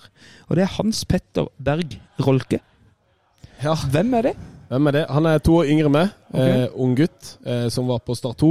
Ja. Eh, trente litt med A-laget. Hvorfor han står i troppen, det vet jeg ikke. Han hadde ikke Han hadde ingen kamper, altså, Han hadde ikke, pro ikke proffkontrakt. Eh, så litt kanskje tilfeldig at han står Ja, ja. der, men uh, han er jo som en av mange unggutter på Start 2, da. Ikke Ja. sant? Kanskje det var sånn barnebillett på flyet, så at det ble billigere. Ja, Ellers sånn, er det sikkert fordi han var kanskje med på benken i én kamp. ja, Ja, ja, kan ikke sant. Ja, der, der fikk han sitt minutt. Ja, nei, men er Veldig sånn, smart uh, fyr, skal nevnes. Ja. Ja, ja, bra. Men uh, eh, Bård Borgersen skrev et dikt etter den der eh, Jerv-kampen. Eh, fikk du hørt det, da? Eh, ja, når du sier det, så ringer det noen bjeller, men jeg kan Ja. ikke huske det diktet. Nei, jeg skjønner at ikke du husker det. Har du hørt det, du, eller? Ja, jeg har hørt det, men jeg kan se om jeg, jeg har ikke planlagt det diktet. Men, men eh, jeg, når jeg leste det første gang, så tenkte jeg at det, det er eh, mm, ja, det, det er ikke Jeg lar Bård Borgersen være en legende. Ja, ja. Du, du, bare, du bare valgte å ignorere den, hans Ja, ferdigheter? jeg bare lurte på om Salvesen husker diktet. Men eh, det er ikke alltid jeg tenker at diktet er det beste. Nei. Men eh, ja, det, så vant man jo en kamp til slutt og sånn. Det var jo sikkert eh, ganske ålreit. Da spilte jeg indreløper i den Ja, kampen. så da var du tilbake igjen til der du Det- Og begynte. det, er- det er faktisk en litt gøy historie, eller sånn, som Ja. jeg har tenkt på av og til. da For det, da var det eh, rett og slett sånn skolebesøk på Sør Arena.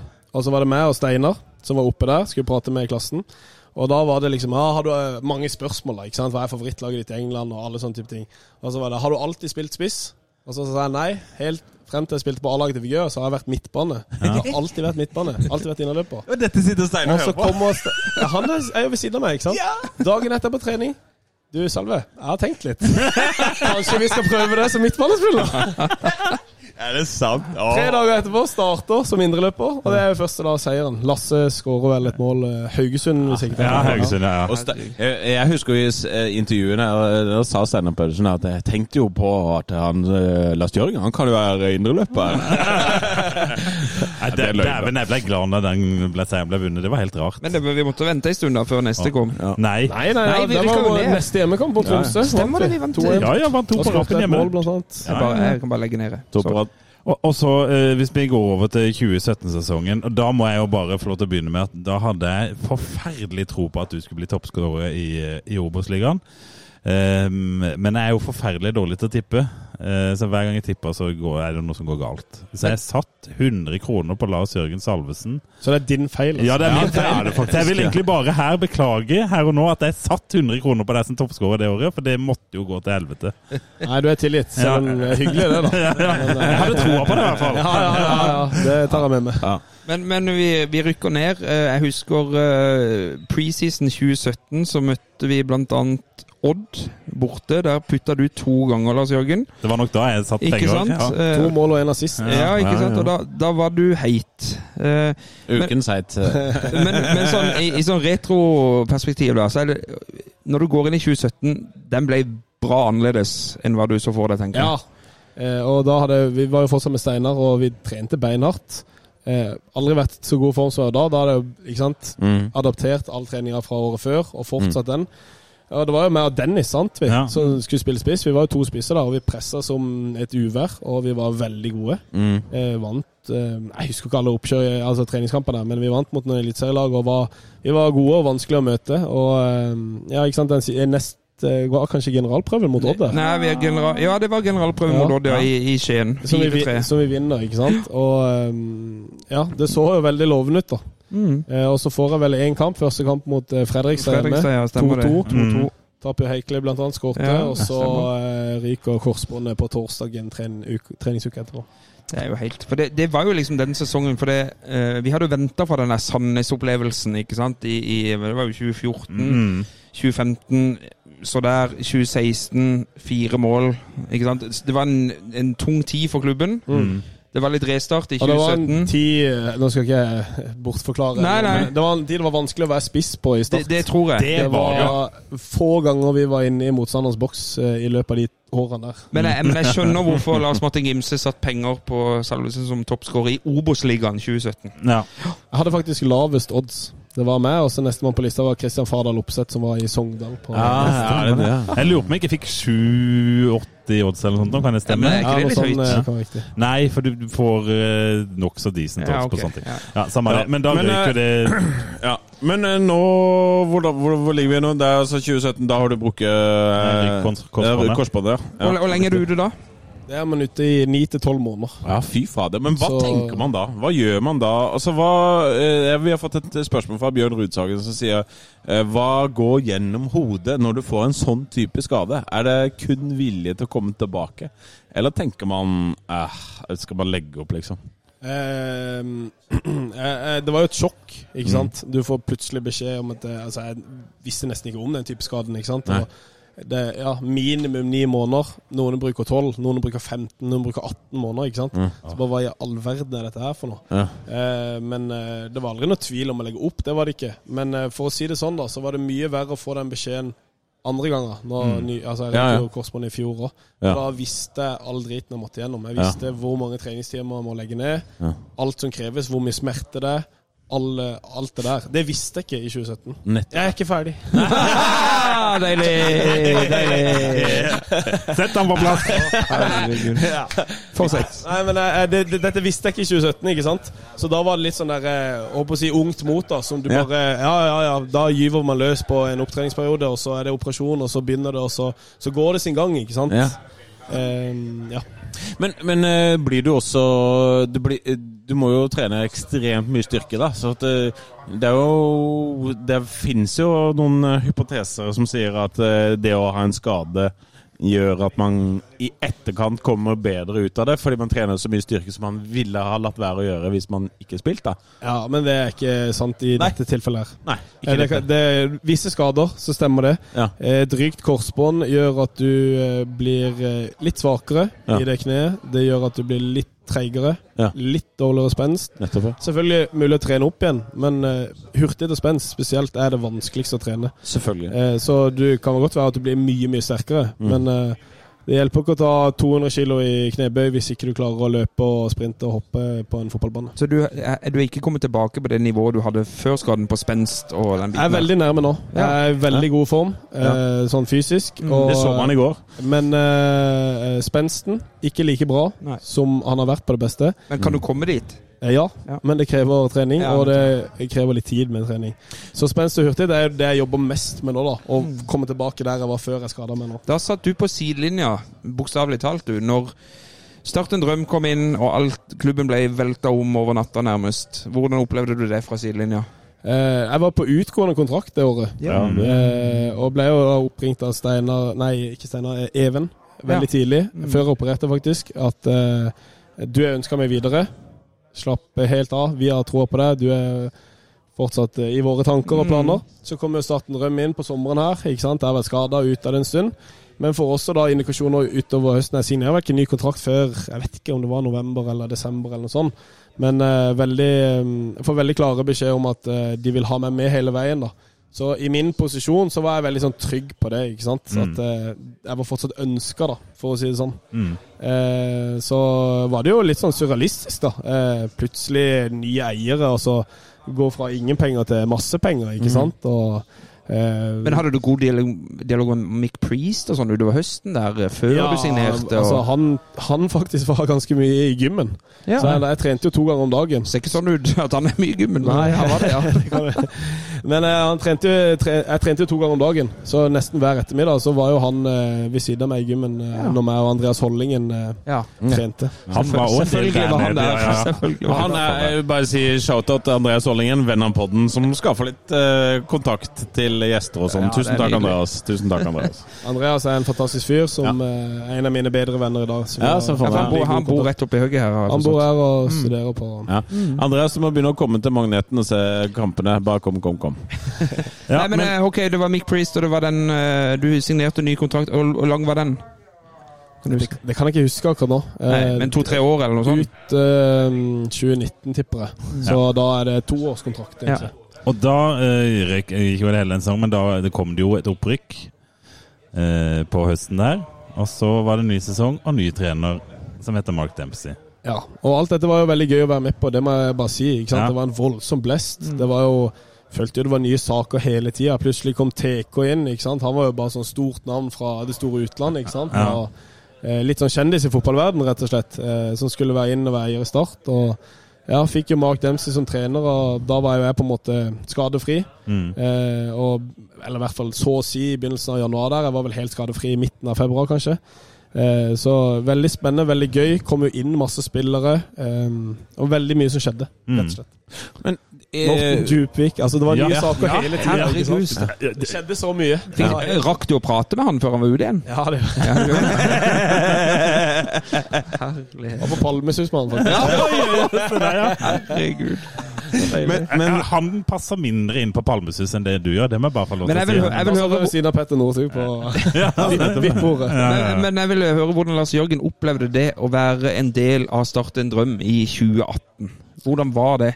Eh, altså For meg så var det egentlig ganske ideelt, hele oppkjøringa. Eh, Jeg fikk beskjed om at det var meg og Floki som var spissene som skulle satses på. Uh, om de spilte med én eller to, det hadde de ikke bestemt seg for i begynnelsen. Men så ble det jo til at det kom vel inn noen flere Altså Isak Lidberg kom vel inn. Mathias Bringaker? Mathias Bringaker kom inn. Så det ble jo mye tøffere posisjon, altså kampomposisjoner enn det som var beskjeden i begynnelsen av januar. da, ikke sant?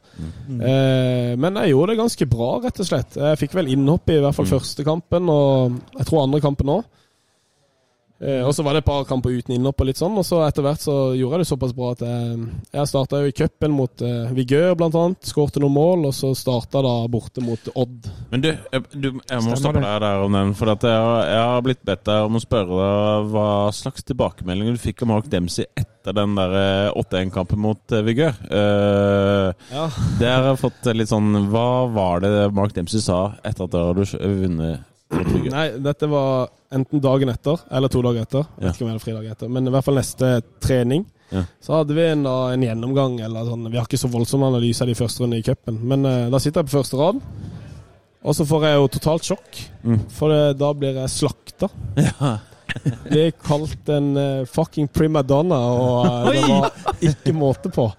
Og da var det én situasjon i den kampen Ja. det som jeg ikke hadde vært fornøyd med, Med, jeg mente jeg skulle gjøre frispark, Ja. og istedenfor å løpe etter ballen, så hadde jeg liksom slått ut med hendene og sånn. Okay. Og da var det liksom at uh, du kan gjøre det mot din gamle klubb når det er masse unger som uh, har det som forbilde. Og jeg, jeg fikk helt sjokk, faktisk. Ja. Ja. Uh, men han, det skal sies at han to-tre dager etterpå kom faktisk og beklagde seg. da Og sa at han ville statuere litt eksempel i forhold til sånn eh, oppførsel på banen, og at det, det ble litt voldsommere enn det han hadde trodd. Eller det han hadde tenkt. Ja, nettopp. Tenk, tror du at han hadde en plan, eller var han allerede i gang med å være inne i det stresset som han eh, kanskje tok knekken på han, tror du, i den situasjonen? Det vet jeg faktisk ikke, Nei. men uh, han var jo litt sånn lemen som kunne sprekke, da. Ikke Ja. sant? Mm. Og det var jo en av de gangene han uh, sprakk. ja, skjønner. Ja. Men du, hadde, du sa vel det her før sending at Mark Dempsey hadde du et godt forhold til? Ja, Og en, altså, av- en av dine favorittrenere, egentlig? han er en av de, hvis ikke den beste treneren han har hatt. Ja. Rett og slett. Mm. Eh, Hva gjorde han spesiell på den måten? Nei, jeg, jeg syns det er litt sånn vanskelig å forklare, for jeg har selvfølgelig hatt mange gode trenere eh, etter hvert. Eh, men eh, han var ekstremt flink på eh, alt av det småtekniske og taktiske på banen. da, ikke sant? Hvilken vei du skulle vende, hvilken fot. Veldig Ja. mange har sånn overordna taktisk, eh, teknisk kontroll, men han var sånn ekstremt detaljert da, på de veldig små tingene, og, og kom direkte inn og hjalp meg til å si at i disse situasjonene så må du heller sidestille deg sånn. Du må heller bruke det type touch. Stoppe spillet for å fortelle deg det? Ja, eller analyse, eller Ja. at vi hadde ekstratrening, gjerne altså type avslutning og sånn. Og da skulle jeg gjerne ha en vitser på ryggen og skulle vende opp. Altså, ja. Eh, eh, Dette høres jo også ut som Sindre Kjelmeland. Altså, Han er jo også veldig opptatt av det å å flytte på eh, Vi møtte han en gang hvor han skulle fortelle et eller annet. Han flytter rundt på glass og Første touch og side og next action og så videre. Det høres ut som han gjør sånn, han òg, og er veldig tydelig på hvordan det skal være. Og mange som sier at han er den beste treneren fordi han forteller det. Men hvor lett er det å ta det ut i praksis igjen? Det er jo, det er jo verdens letteste ting er jo å fortelle folk hvordan de skal gjøre det. Men det vanskeligste er jo at de gjennomfører det. Mm, ja. Eh, har ikke så veldig godt Stort, svar. stort spørsmål igjen. Ja, ja, har ikke, har, så- har ikke så veldig godt svar på det. Jeg har ikke hatt uh, Sindre som trener, men han Men slår, meg, type, slår meg liksom. som en veldig flink trener. Ja. Og uh, litt sånn eh, flåsete sagt, så er det jo bedre spillere du har, jo lettere er det å trene bort. ikke sant? Riktig. Um, så en spiller som er bedre enn en annen spiller, vil jo alltid være det, uavhengig av treneren, på en måte. ikke sant? Ja. Eh, selv om man kan prestere bedre med dårligere lag pga. taktiske ting og sånne ting. Mm. Men det å gjøre enkeltspillere veldig gode, så er det jo mm, altså Mye skryt til treneren, selvfølgelig, men uh, det har jo litt å si hvilke, hvem, hvilke personer du Ja, Merka du at det gikk mot slutten for Mark Dempsey? eh, Ja, det ble veldig kaotisk etter hvert. Eh, det skal jo sies at jeg fikk dette røde kortet mot Odd. Ja. Spilte den cupkampen, mm. som du nevnte. Ja, det var, var det- ja, Ego- imponerende. Ja, det var Ego Sund, var det ikke det? Egersund, ja. Ja. Borte. Mathias Bringaker skårte 1-0 videre. Det stemmer. Og så fikk jeg et brudd i foten da, på trening eh, to-tre dager etter dette her. Mm. Jeg hadde ikke rekt å sole ferdig eh, suspensjonen engang. Så, eh, og da var jeg da ute i to måneder. Og bare sånn kort fortalt, så var jo da fra jeg ble skada til jeg var skadefri igjen, så var Mark Dempsey vekke, og Rekdal og um, Morten Tandberg var kom inn, ja. var kom inn. Mm. Og alle hadde allerede hatt to-tre kamper med laget. Men var du med på uh, det, eh, den turen eh, som uh, Til Solspa? Ryktene? Jeg ble skada samme dag som vi skulle dra. Og så da ble du når hjemme? de dro, så dro jeg på sykehuset og tok bilder av foten. Ja, for, for eh, Tor Kristian kalte det den mest absurde greiene han har hørt om, om sin tid i Start. Måten det ble presentert på utad Ja. Nei, jeg hørte jo bare rykter når jeg snakka med gutta på vet ikke, Snap eller Ja. ikke sant, telefon og sånn, at det var Nei, nå var de plutselig atskilt fra treneren, og nå kunne ikke de snakke med de, og de måtte spise middag på forskjellige tider. Det var liksom Jeg, jeg var jo ikke der, ikke Nei. sant? men det var helt absurd. Og så fikk vi jo en ganske dårlig opplevelse mot eh, Sarpsborg eh, 16. mai, eller hva det var. Mm. Men, men du var da skada egentlig stort sett hele den sommeren, du, da? Ja, det var vel egentlig det. Mm. Og så kommer vi til da eh, Når han ble bytta med Niklas Sandberg, tenker du på? Ja, ja... Jeg ja husker den der, den, Var det TV 2 som hadde den videoen hvor du går inn et rom og han nei, går ut? Den lagde vi selv for, lag- ja, eh, det var for det. Ullskissa. Ja, For Ullskissa. som la det som en sånn eh, presentasjonsvideo. Kan du Ja, ja. Herlighet. Men hvordan, hvordan. Hvordan opplevde du eh, Hva er det nå for noe? Ja, Benestad bare Benestad får servert øl av publikum her. Det er han jo veldig glad for. Ja, tusen takk. Men hvordan, hvordan kan du fortelle, dra oss gjennom den overgangen til Kisa? da? Hvordan, hvordan du ble presentert den muligheten, og utlån og det styret der? Nei, altså eh, Jeg var tilbake fra skade. Eh, Jeg begynte å komme i form igjen. Jeg skårte bl.a. hat trick i en kamp mot eh, Vindbjart. Eh, Vi hadde en treningskamp på sommeren der. Jeg vet ikke om det var landslagspause eller hva det var. Eh, Og følte meg i god form, men det eneste som ble adressert og var fokus utad, var at eh, vi trenger spisser. Vi skal ha i hvert fall én, minimum to. Ja. Og fasit i hånd, så ble jo det henta to spisser. Mm. Både Adeleke og Mensa. Eh, Han var god, vet du. så, så det som ble, var jo rett og slett at det var egentlig ja, både meg og i samråd med min altså, agent og altså, familie, altså de nærmeste, da, som var at eh, nå er nok det beste å, å få spilletid. Du er for god for Start 2, men du får ikke spille på A-laget, ikke sant. Mm. Nå må vi ha spilletid. Eh, og så var det jo egentlig at eh, høre med agenten hva, hvilke muligheter ligger der. Mm. Eh, og sånn som det ble da, så, eh, sånn jeg opplevde det, så prata jeg med både Mjøndalen og med Ullskissa. Så jeg Om utlån, ikke sant? Om ut, ja, ja, å komme dit, da. Ja, okay. jeg, jeg, jeg kunne ikke alt det der tekniske. Nei, okay. Så jeg prata jo med både Vegard Hansen da og, um, og treneren i altså, Vegard Skogheim. Mm. Eh, på deadline day, på Mm. morgenen her, da. Vi har vært på noen fotballskole. Jeg husker jeg trakk meg litt unna og prata i telefonen og sånn. Eh, og så ringte jo Atame, meg, agenten min Mm. og sier at eh, du, det er ikke mulig med utlån, for de har fylt opp kvoter. Mm. Men jeg skal se hva jeg kan gjøre. Og så ringer han meg enda en gang. Nå blir det jo veldig detaljert. Ja, dette er ja. nydelig. men da hadde vi jo han eh, Ibrahim eh, som var på utlån i HamKam. Og da, var, da sa han til meg at vi skal prøve å gjøre den overgangen permanent. Og hvis vi klarer det, så løser det opp en plass for det. Mm. Og så jobba han veldig på det, og jeg hørte ikke så mye. Og så vet jeg ikke, klokka var kanskje sånn åtte-ni på kvelden. Og så ringer han og sier at det går ikke, han blir på utlån. Men jeg har gjort en avtale på at eh, vi terminerer din kontrakt med Start, og så skriver du under for Skisa, men de kan hente deg tilbake for en billig penge. Så Rekdal som sier at dere hadde en muntlig avtale om å komme tilbake. TK. T- Var det TK som hadde det? Ja, nei, som jeg har sagt tidligere, da. Det er lenge siden jeg har prata om denne saken her. Eh, men eh, eh, jeg prata jo aldri med eh, verken TK eller trener Rekdal i denne prosessen i det hele tatt. Ingenting. Så jeg, det- jeg var kun gjennom Atta. Hva sier Og du det, nå? og det har, men det har jo TK egentlig sagt, at han Når jeg hørte denne poden, så syns jeg TK beskriver det veldig bra. Ja, okay. For jeg, tenkte at Og jeg var litt spent på Eller sånn Lurte litt på hvordan kommer han til å form, eller fremstille dette. Ja. Men alt han sier, stemmer Ja. i den eh, Ja, for det var, for det var jo det det- og meg og mange med meg kritiserte for at de lånte Altså at, at han ble solgt, og så ble det liksom et ut, eh, utlån som Altså at det, at det i det hele tatt ble en sånn mulighet at de ikke på en måte hadde kontroll over situasjonen lenger. Eh, Det, vi har noen i publikum her som kanskje Ja, vil stille et spørsmål. eh, De vil jo selvfølgelig være anonyme som vanlig, men jeg lurer på det, det eh, Du sier at de hadde en avtale om å hente deg tilbake med en billig penge, men det var ikke kontraktfesta? Det vet jeg ikke. det tror jeg ikke er lov. Det er ikke noe Nei, Nei, det, det kan hende at det det, ikke er lov. det ble litt lyst med det i etterkant, Mm. for det, det tror jeg ikke heller er lov. Men eh, det vet jeg ikke eh, om var kontraktfesta eller ikke, da. Nei. Nei, Nå er det veldig mye vifting. Nå er det veldig, veldig Ja. Eh, Ja, nå skal du få lov nå skal Nå få, kan du komme her, Ja. og så kan du få få ordet her. Ja, nå, nå har han vifta så fælt at eh, Verken uh, Rekdal eller Karlsen snakket med. Hvem hadde ansvaret for disse forhandlingene da? Ja, altså, det var jo TK som hadde ansvaret, men han prata med min agent, ikke sant. Så agenten min representerer meg, så jeg prater ikke direkte med TK.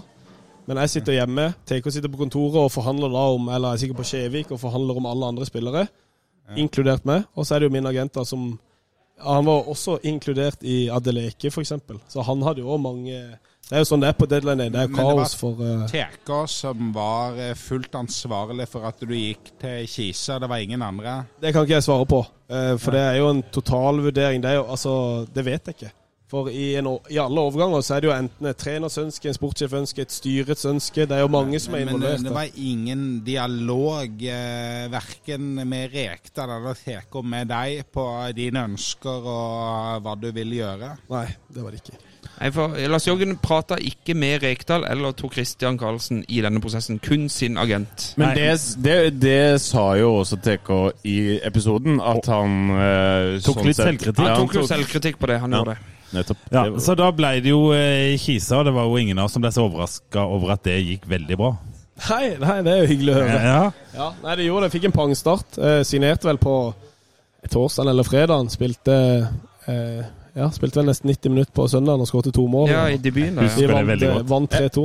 Jeg har ett spørsmål til, for jeg klarer ikke helt å gi slipp på det der. Altså, eh, følte du at eh, når denne avtalen da ble inngått eh, som den tolvte eh, leiespilleren som det ikke ble noe av eh, Kan du på en måte Altså, hvor mye tillit følte du på da, eh, i den situasjonen? Jeg kan huske at når Atta forklarte dette her til meg, Ja. så var jeg veldig tydelig på at er det ikke mulig å bli lånt ut? Jeg syns dette var litt skummelt. Ja. For da jeg følte at jeg var en del av en eliteserieklubb, og så bandt jeg meg til en Obos-klubb, ikke sant? Ja. For jeg, var, jeg var ikke på lån, jeg skulle ikke tilbake, men jeg Ja. gikk fast Ja. med en mulighet om å komme tilbake. Men visste jo veldig tydelig da at da var det 100 opp til meg selv Ja. hvordan jeg presterte der, om de hadde hatt lyst på meg igjen eller ikke. da. Ja. Så jeg syns det var litt skummelt, men også var veldig der at eh, sportslig nå så er dette eneste riktig. Ja. Eh, da blir det sånn. Jeg skjønner jo at du har din egen karriere der, men jeg, bare, jeg, jeg, opplever at, eh, jeg opplever at den situasjonen her, og hørt at eh, TK unnskylder seg osv., så, videre, så skjønner jeg at du opplevde jo kanskje at eh, du ble jo ikke satsa på i det hele tatt, da. Nei, altså Så- i, i, i. Trodde, trodde du på at du ble henta tilbake, da? Altså, Nei, det trodde jeg egentlig ikke på. nei, nettopp, ja. Altså, det var Så du ble gitt bort, egentlig? jeg, jeg, jeg var, ja, men da var jo De henta jo en for åtte millioner samtidig. Og da tenkte Ja. jeg litt sånn der, uavhengig av hvor bra jeg presterer for Ullskisa nå, Mm. så kommer ikke de til å hente meg tilbake. på en måte Åtte millioner var det, altså. Da fikk vi svaret på det. Nei, det vet jeg ikke. men det var det det var skriver, skriverier om. Ja. Å, shit! Det, du ble, altså, Lars Jørgen Salvesen Så da var det så mye penger i start at det var så, så, så, så mange overganger og det var så mye som skjedde, at jeg tenkte at uh, Og, det var, eh, og der må jeg snakke for min egen supporter, altså fra mitt supporterståsted. Det var, det var en tid det var vanskelig å egentlig det var vanskelig å forholde seg til alt som skjedde også. Det var vanskelig å, å vite egentlig nesten hva man skulle mene. Jeg husker Ja, at jeg syntes det var vanskelig å Hva skjer med Salvesen? Og, jeg vil bare skyte inn, for Ja. jeg, jeg tror veldig mange sitter igjen med en følelse at vi mista Lars Jørgen Salvesen Ja. som startspiller det året pga. at vi hadde kuka det til Ja. med masse utlånte spillere her og ja, der. ja, ja, Som ja, ja, Altså, søppel, kall det søppel. ja, ja. Salvesen hadde vært her hvis vi ikke hadde leid ut Ibrahim til. Ja. Liksom. Nå, nå, nå, Nå er det engasjert publikum her. Det er vanskelig å drive podkast med masse innspill på siden. Men det er nydelig engasjement. Dette er livepoddens bakside. Nei. Men Nei, nei men bare, for å si det kort, da, at eh, eh, jeg var ikke Jeg spilte ikke, ikke sant? Det var et par kamper der før eh, overgangsvinduet som jeg ikke Jeg husker ikke om jeg var med i troppen eller ikke, men jeg spilte i hvert fall ikke. Og det var rykter at det skulle komme én til to spisser til. Det kom to. Så det sier seg jo selv at hadde jeg blitt i Start, så hadde jeg ikke fått spille den høsten. Nei, du hadde ikke det. Så sportslig for meg var det riktig å gå. Ja. Og så er det Jeg vet at dere som supportere og sånn var veldig glad i meg på den tida og alt det der. Mm. Hadde jeg gjort det veldig dårlig i Ullskissa og studert nå og sånn, så hadde ikke dere prata like mye om dette her. Vi hadde ikke gjort det. ja. Nei, men det, Så, det, det er Noen ganger du- så er det hyggelig å si Ja, men jeg visste jo at han var en god spiss! Jeg fikk rett! Husker du han medisinstudenten han som er nå går med medisin på tredje året? Liksom, husker du han? Husker du det ene målet han skåret mot Sandnes Ulf? Tom Nordli rykka ned. Han er lege nå, forresten. Ja, nei, jeg er enig, men samtidig så handler det om, handler det om hvordan Start var på den tida. Som vi sjøl kjenner igjen på nå som noe vi eh, kanskje er litt flaue over at vi bare aksepterte. da Det var jo litt det samme som i, i, i episoden med, med Steinar P, a, a, a, som beskrev en opplevelse at det var ingen som så hans sak, og kanskje litt eh, hos deg òg, at det var ingen som så din sak. og ja det, det var nok kanskje det, Men det var, jeg, altså, jeg snakker av min egen supporterhjerte. Jeg så så mye gull i de greiene der at ja, jeg glemte kanskje litt Du glemte litt hva man hadde, ikke sant? Ja, nettopp, du ble frista over det. Ja. eh, Ja, men det er mulig du prater på vegne av mange, men jeg, jeg kjenner på den andre sida av dette. Ja da. At, at eh, selv ikke åtte millioner Adeleke kunne med, få meg til å akseptere at Lars Jørgen Salvesen skulle ut av klubben. Ja. Det gjør det ikke, men deilig at vi ikke er enige om alt. Men ja, ja. eh, ja men, nei, men jeg er helt enig. Og da kommer jo til Eh, For det, I forlengelsen av dette her, uh, og du får ha unnskyld hvis vi ikke går gjennom detaljert gjennom alle klubber du har vært etterpå. fint, ja. Men, men eh, den vinteren der, så, så skjer jo det at det blir interesse for deg. Uh, og, og så vidt jeg har forstått det, så var det interesse fra start òg. Uh, men det frista kanskje ikke all verdens. Nei, altså Det er riktig, det. Ja. Før 2019, ikke sant? Ja. Mm. Ja. Plutselig så ville de ha meg tilbake, men da var det ganske mye interesse. Jeg hadde gjort det veldig bra på, på høsten der. Eh, og eh, Sarpsborg var interessert, og Bodø-Glimt var interessert. Oi, Bodø-Glimt ja. Sarpsborg hadde, Sarsborg hadde akkurat spilt Europa League og var jo tippa medaljekandidat. Bodø-Glimt hadde akkurat rykka opp. ja. Eh, men det skal sies at jeg visste om interesse og sånn. Men akkurat i begynnelsen så handla det om skal jeg til Start eller skal jeg bli i Kisa. Der og da så var det fortsatt mange spisser i Start. Jeg følte meg ikke sikker på å spille der. I Kisa så hadde jeg en høy stjerne. Eh, jeg var en del av kapteinsteamet. En av de, kanskje den viktigste spilleren. Mm. Og vi havna på femteplass, hvis jeg ikke tar helt feil. Mm. Sjetteplass, kanskje. Nei, det var en god Så vi havna, på, vi havna på kvalik med Kisa. Og da var det sånn å gå fra et lag som havner på sjetteplass, til et lag som potensielt havner på andre eller første eller andre. Det er ikke det største spranget, ikke sant, sånn sportslig. Da skal du gjerne spille fast. Mm.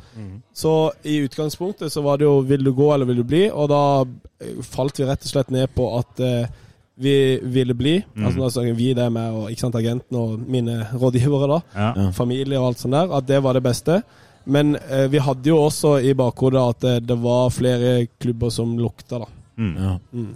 Da ble det sånn. Og Bodø-Glimt, ja, det kunne jo blitt en historie. hvis Du kunne ha spilt mot Roma et par ganger. eh. Ja, Der og da så var det en no-brain å gå til Sarpsborg. Ja, Sarpsborg det var ja. langt over Bodø-Glimt. Ja, Men eh, det var jo da eventyret til Bodø begynte, så Ja. det er lett å se tilbake på. Åssen var det å bo i Sarpsborg, da? Bodde jeg vel ikke så lenge. Vet du hva, det der det er et godt spørsmål, Tom. Nei, jeg bodde jo midt mellom Fortell mer om eh, Sarpsborg. Bodde midt mellom Sarpsborg og Fredrikstad, da. Så bodde ikke midt i Sarpsborg. Men Ja. eh, Enda verre så Enda verre midt i broa der. Nei, akkurat i Sarpsborg. Jeg trivdes veldig godt. Eh, fikk meg kjæreste der, som er samboeren min i dag. Oh, ja. ah, Så uh, henta hun fra Sarpsborg, faktisk. Så noe godt er det. Så uh, Ja, og så trivdes veldig godt i laget og alt sånt der. Og så ble det jo bare åtte måneder, i, eller et halvt år i Sarpsborg, faktisk. Var ikke du en del, når du da gikk til gods etter hvert, ble ikke du en del av en byttehandel? Jo. Med, en, med en viss Jo, bytta vel egentlig direkte med Moss. Moss, var det? Mustafa Ja. Som da gikk fra godset til Sarpsborg, selvfølgelig. Ja. Uh, og du kom da og debuterte vel eliteseriesammenheng for godset mot Start på Sør Arena, om ikke jeg tar helt feil? Eller hadde du Da tar du feil, da. Ja, tar- OK, da går vi videre. Nei, da tar du feil. Som dere hører, så Nei, altså- elsker publikum når tar feil. Jeg gikk jo sommeren eh, 2019 til godset, ikke Ja, det var ja, rett. og altså, første kampen i år 2020 så Det var Start, ja, for jeg trodde du gikk vinteren der, men du fikk Ja. høsten eh, 19. Fikk høsten, ja. så hadde vel 13 kamper Ja. på den høsten. Å ja. Den første sånn eh, pandemikampen, var det den eh, Det var, Ja, det, var det det, det var det du nettopp lo av når jeg sa at det var hans sin første kamp. Men det er helt riktig. Ja, ja, men jeg fulgte ikke med når du snakka. Men, men, eh, men det er kjempe Det er interessant opplysning, da. Mm. Ja. Du sier jo mye klokt, du, Vær så god. Vær så god. Jeg bommer litt. da. Ja, ja. Men åssen var det, da? Kom som godsspiller til Nei, det var litt eh, spesielt, det. Men det var jo ikke noen mennesker, mennesker på tribunen heller, da. Bare sånn så Ja, det var et par, faktisk. Ja, ok. Det var vel 200, eller? 200, Ja, Ja, ok, 200, ok. ja. Sånn som vanlig, med andre Nei, ja. Var en del av de 200 som slang litt drit òg underveis, så Ja. det ble jeg litt overraska og skuffa over, faktisk. Ja, du ble det, ja? Eh, Man sitter noen her ved siden av. En av de 200 ved siden av deg, ja. Jeg tror eh, faktisk at det, han var en av de verste. Nei, du, men, men fortell litt om det. Altså, du kjente at du ble Nei, nei, altså, lei det, var, liksom? merka det var spesielt å spille mot Start, fordi eh, Altså, det var første kampen mot Start etter jeg dro fra Start, ikke Ja. sant? Ja, ja. um, gikk jo opp til Eliteserien fra Kisa, så møtte ikke de Obos det året, og så videre. Så det var første kampen min mot Start, på Sør Arena. Ja. Eh, som har vært da i fire og et halvt år. ikke sant? Hatt Mm. x antall treningstimer og vært i styrkerommet. Kjenner jo gangene ut og inn. Kjenner Jeg tror jeg kjente 80-90% av laget. Du er jo for byen nå, i tillegg. Ja, ja, ja, Ja, ikke sant. Så det var, det var veldig spesielt, rett og slett. Så jeg kjente veldig på det. Eh, Og du syntes det var kjipt at folk eh, ja, ja, eh, Ja. Altså, det var ikke sånn si det, det, ikke sånn brydde meg så veldig, for det, der og da er jeg opptatt av kampen. Men jeg la merke til det. Mm. Og jeg syns det var litt sånn overraskende. Jeg tenkte litt sånn der eh, ha- hadde de visst historien, så hadde de ikke gjort det. på en måte. Nei, nei. Disse folka er denne ukens bleik fra meg. nei. Nei da, men det var ikke noe sånn at jeg tok meg nær av det på noen som helst måte. Altså, Jeg var godsespiller, jeg har full forståelse for at man heier på sin egen klubb. Og, og jeg skåret jo et mål, eh, Ja, mål der òg, som var ganske fint. Om jeg kan Og jubla som bare det. Nei, det gjorde Nei, jeg jo egentlig ikke. Så, eh, ja, nei, så selvfølgelig, det var spesielt, da. Mm. Du, ja, for du møtte dem jo en gang til og var hjemme samme sesong. Ja, stemmer. Og da ble det 2-2, og jeg kunne og burde avgjort kampen Ja, for helt det, på husker, slutten. ja, det husker jeg at jeg er glad for at du bomma. Spilte vi leda 11 mot 10, var vi å lede. Ja. Ja, Det høres veldig Men- start ut. Men øh, også siden det så har du spilt i Godset, og det har jo egentlig gått uh, meg hus forbi, egentlig. Jeg kjenner, jeg kjenner en del drammensere som eh, setter pris på denne mannens uh, Ja, jeg er helt enig. bidrag på eh, godsefronten. Det virker som at du har fått en ganske god standing i Drammen. Åssen er Ja. liksom livet ditt i, i, nå? Nei, det er veldig fint, egentlig. Som, som dere nevner, så er det helt sant. Jeg har fått en god standing i Drammen og i klubben eh, og i laget. Eh, og veldig sånn, altså Fått meg fin leilighet og ikke sant, samboeren og veldig sånn satt, da. Føler det er blitt litt hjem, da, rett og slett. Og at man trives utenfor banen har jo noe å si på det man leverer på banen også. Ja. Eh, veldig trygt og håper jeg godt der jeg er nå. Men eh, jeg har jo veldig ambisjoner som fotballspiller, da. Ja, fortell litt om det, da. For det har vi fått spørsmål om òg. Altså Mm. ambisjonene dine. Ja, det, de er store. Ja, ja, det er bra. Ja, nei, nei, nei, men eh, jeg har et mål om å, å komme med på landslaget en gang. Mm. Eh, få en samling eller en kamp hadde vært utrolig stort. Det hadde vært sånn check i boka. Yes. Og så har jeg jo lyst til å, å vinne noe, eh, holdt jeg på å si. Mm. Og det å spille Å være proff i utlandet høres jo kult ut òg, da. Så Mm. eh, jeg har lyst, eh, lyst til å komme ett eller to eller tre trinn opp fra det nivået jeg spiller på nå. For jeg bare tenker, for Du kan jo fint bli toppskårer i Eliteserien, og det medfører stort sett en landskamp, har jeg inntrykk av. Ja, Så du er ikke så veldig langt unna. For å si det sånn, da, så var det tre spisser, hvis jeg ikke tar feil. Ohi, eh, Brisja og Botheim. Og Linn Olsen, fire, Ja. i fjor, Mm. som var innom landslaget. Mm. Så det er ofte formspillere som er med der, så et par gode måneder, så er nok ikke det helt umulig. Nei. Og vi har jo en landslagstrener som øh, følger med på norsk liga, liksom. Så her er det jo Absolutt, bare å levere videre. Ja, ja. Men litt sånn uavhengig av det, så er det bare eh, for meg som altså, fotballspiller, da, så hadde det vært utrolig gøy å si at du hadde representert det norske landslaget i fotball. Det hadde vært utrolig stort. Da. Det hadde vært gøy. så litt, litt sånn sidemål da fra det daglige jobben som gjøres Du, i under klubb. tida di i Sarpsborg så mener jeg at dere spilte noen treningskamper mot et russisk lag, og du fikk et sånt kallenavn der. Ja. Hva var det? Nei, jeg skårte jo mot Zenit, da. Det var Zenit, ikke ja, sant? Ja, Mhm. spilte jo Chuba og eh, ja, Det var et par andre Ja, spillere som høye hadde vært- spissen, det, Ja, han, ja, vært mm. Branislav i, i, i Ivanovic. Ivanovic, ja. Mm. Mm. En som hadde vært i Juventus, nå husker jeg ikke navnet på han akkurat nå, men eh, skårte der, da, og så Vet ikke om de ikke gadd å sjekke, eller om de, de, de visste ikke hva jeg het. Altså, I dette bildet etter kamp, ikke sant? når det står da 1-1 og hvem som skårte, så står det Hvis det var i mål, altså, nummer 78, og så var det da 'Big blonde striker with ponytail'. så deilig. For det har du vel i bioen din på Twitter, tror jeg. Ja, det ble, det ble sånn, så uh, det var gøy, det. Men du, skal vi ta noen Nå er vi kommet så langt Ja, for det var litt, det var litt sånn Ja. lytterspørsmål-ish. Det er Ja, for vi har jo fått noen eh, lytterspørsmål her. Ja, og da- jeg har et lyttespørsmål som har gått igjen og igjen og igjen. og igjen. Okay. Uh, for at det passer med din karriere, da, at du har noen karrieremål. Og i det karrieremålet, som du glemte å si, det er at du en gang skal tilbake til start. Ja, mm. det hadde vært utrolig gøy. Ja. Og det er jeg absolutt ikke fremmed for. Så, eh, men eh, eh, for å være helt ærlig, så sikter jeg nok høyere Ja. akkurat nå. Ja. Eh, og så har jeg nok veldig lyst til å, å eh, Hvis du kan kalle det avslutte, eller komme tilbake igjen. Og jeg har veldig lyst Ikke avslutte, du skal være med og bidra til å gjøre det de Absolutt. Men bedre. Men ha eh, noen flere år i start, det er Ja. jeg absolutt eh, lyst til. Ja. Så spørs Ja, da blir det klappa i lokalet. Det er, nydelig. det er veldig god stemning her. i- Lars Jørgen Salvesen er start. Ja, er. Ja, for Det var noen som sa et eller annet om å klippe håret. Det vil jeg bare si at det er det ingen som trenger å gjøre. Det her, bare så det er sagt. Kan jeg da bare, men, eh, Mens Lars Martin Martin leter etter spørsmål, hva, hva tenker du om Start i år? Ja, godt spørsmål. Ja, eh, jeg følger ganske mye med. Ser, jeg hører alt av deres podkaster, hører Femens podkaster. Ser de kampene som jeg har mulighet til å se når vi ikke spiller selv og sånn. Eh, så jeg syns de ser eh, ganske bra ut. Eh, men eh, dessverre litt usikker på om det holder til direkte opprykk. Men er Ref kampen i dag. Ja, ikke sant? Men jeg, jeg føler at klubben er på vei mot noe. Gjør, gjør de ting riktig nå? Absolutt. absolutt. Mm. Det er stor forbedring i spillet. Mm. De virker mye mye tryggere i spillestilen. Ja. Eh, veldig sånn komfortable med ball. Mange spennende spillere. Mye yngre lag. Mm. Eh, litt sånn som oss nå i Godset, så har vi nå to-tre sesonger der vi har hatt mange av de samme over tid. da. Kan nevne, Det er ikke sikkert dere er så kjente med disse her, men Johan Hove, Ja, ja. født i 00. Hallo Senevik 00. Ja. Tobias Gulliksen 03. Kresjnik Kresjniki 00. Som da har spilt i 2-3 og fått erfaring. Og bygd, og så nå leverer vi veldig bra. For de har fått det som trengs da, ikke sant. Så jeg tror at hvis Start ikke rykker opp i år, så tror jeg at hvis de får beholde alle, så tror jeg de rykker opp til neste år. Ja. Men eh, samtidig så skal jo Ok, kanskje Brann i Mjøndalen tar de to første. Eh, men Start er jo i kvaliken der. Absolutt. Hva tenker du om eh, forskjell på kvalitet på toppen av Obos og bånn av Eliteserien? For, for meg så virker det som bånn av Eliteserien det er skikkelig, skikkelig, skikkelig bånn.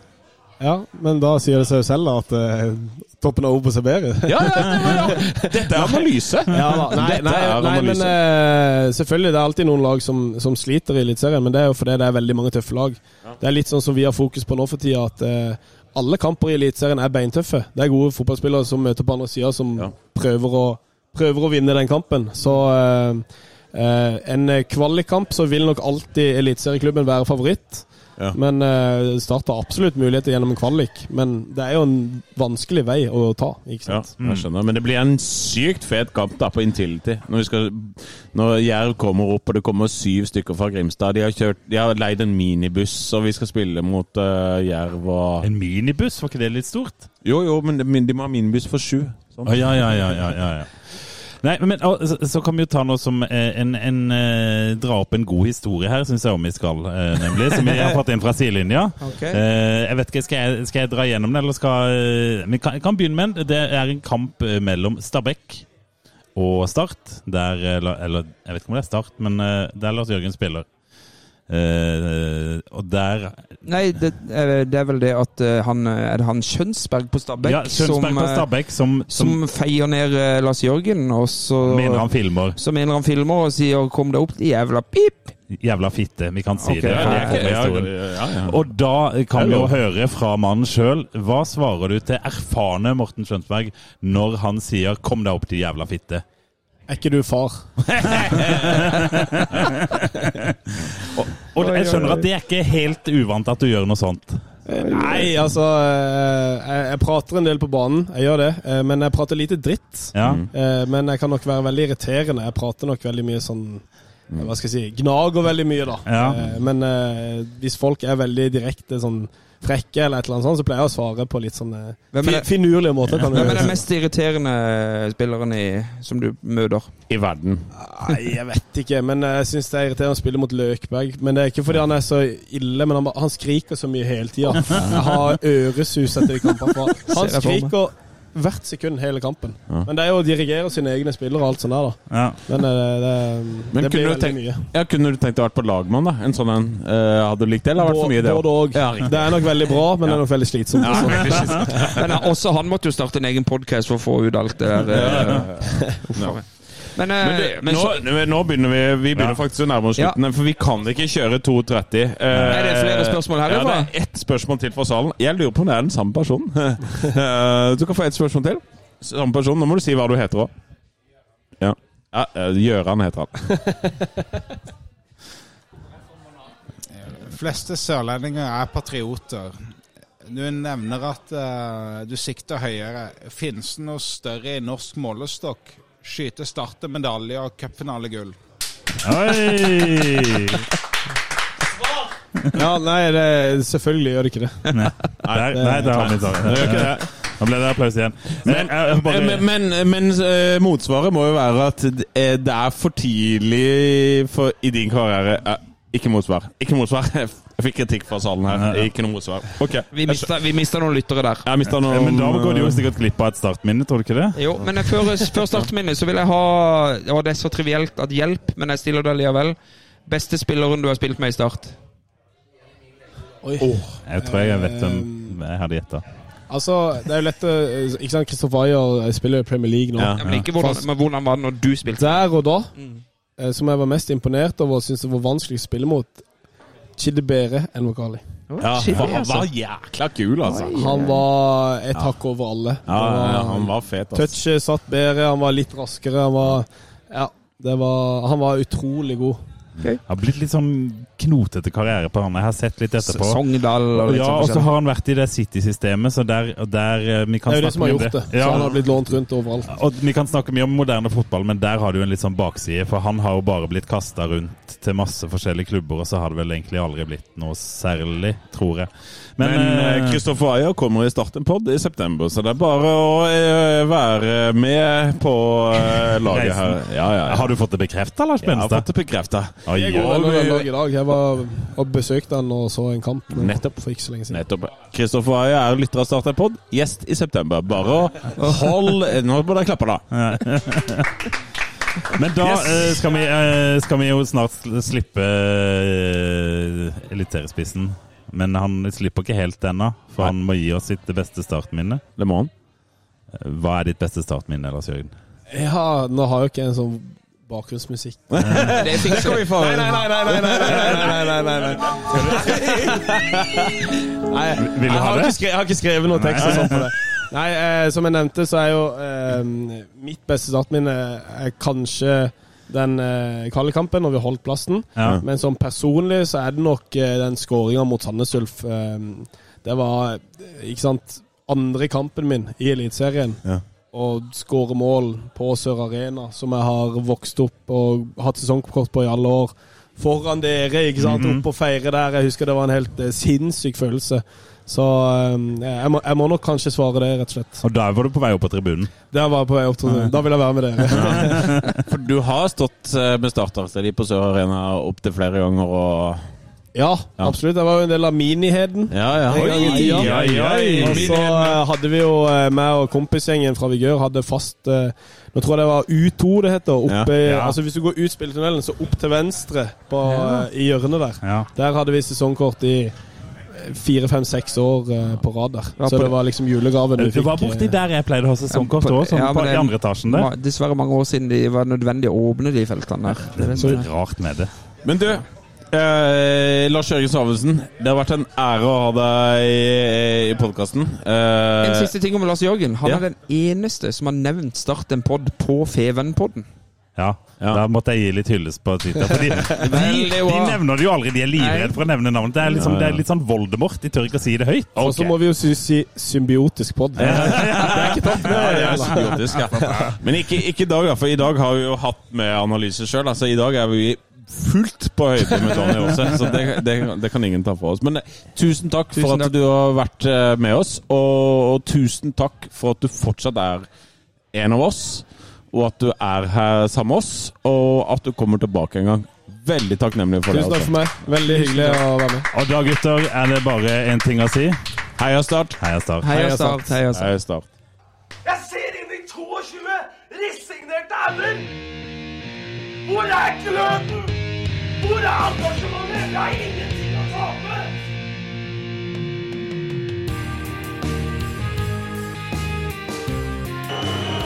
Ja, forlenges tid på Martin Ramsland. Skal du sette etter? Og så gjør han det! Martin Ramsland! Har du sett? Han kommer til å bli større enn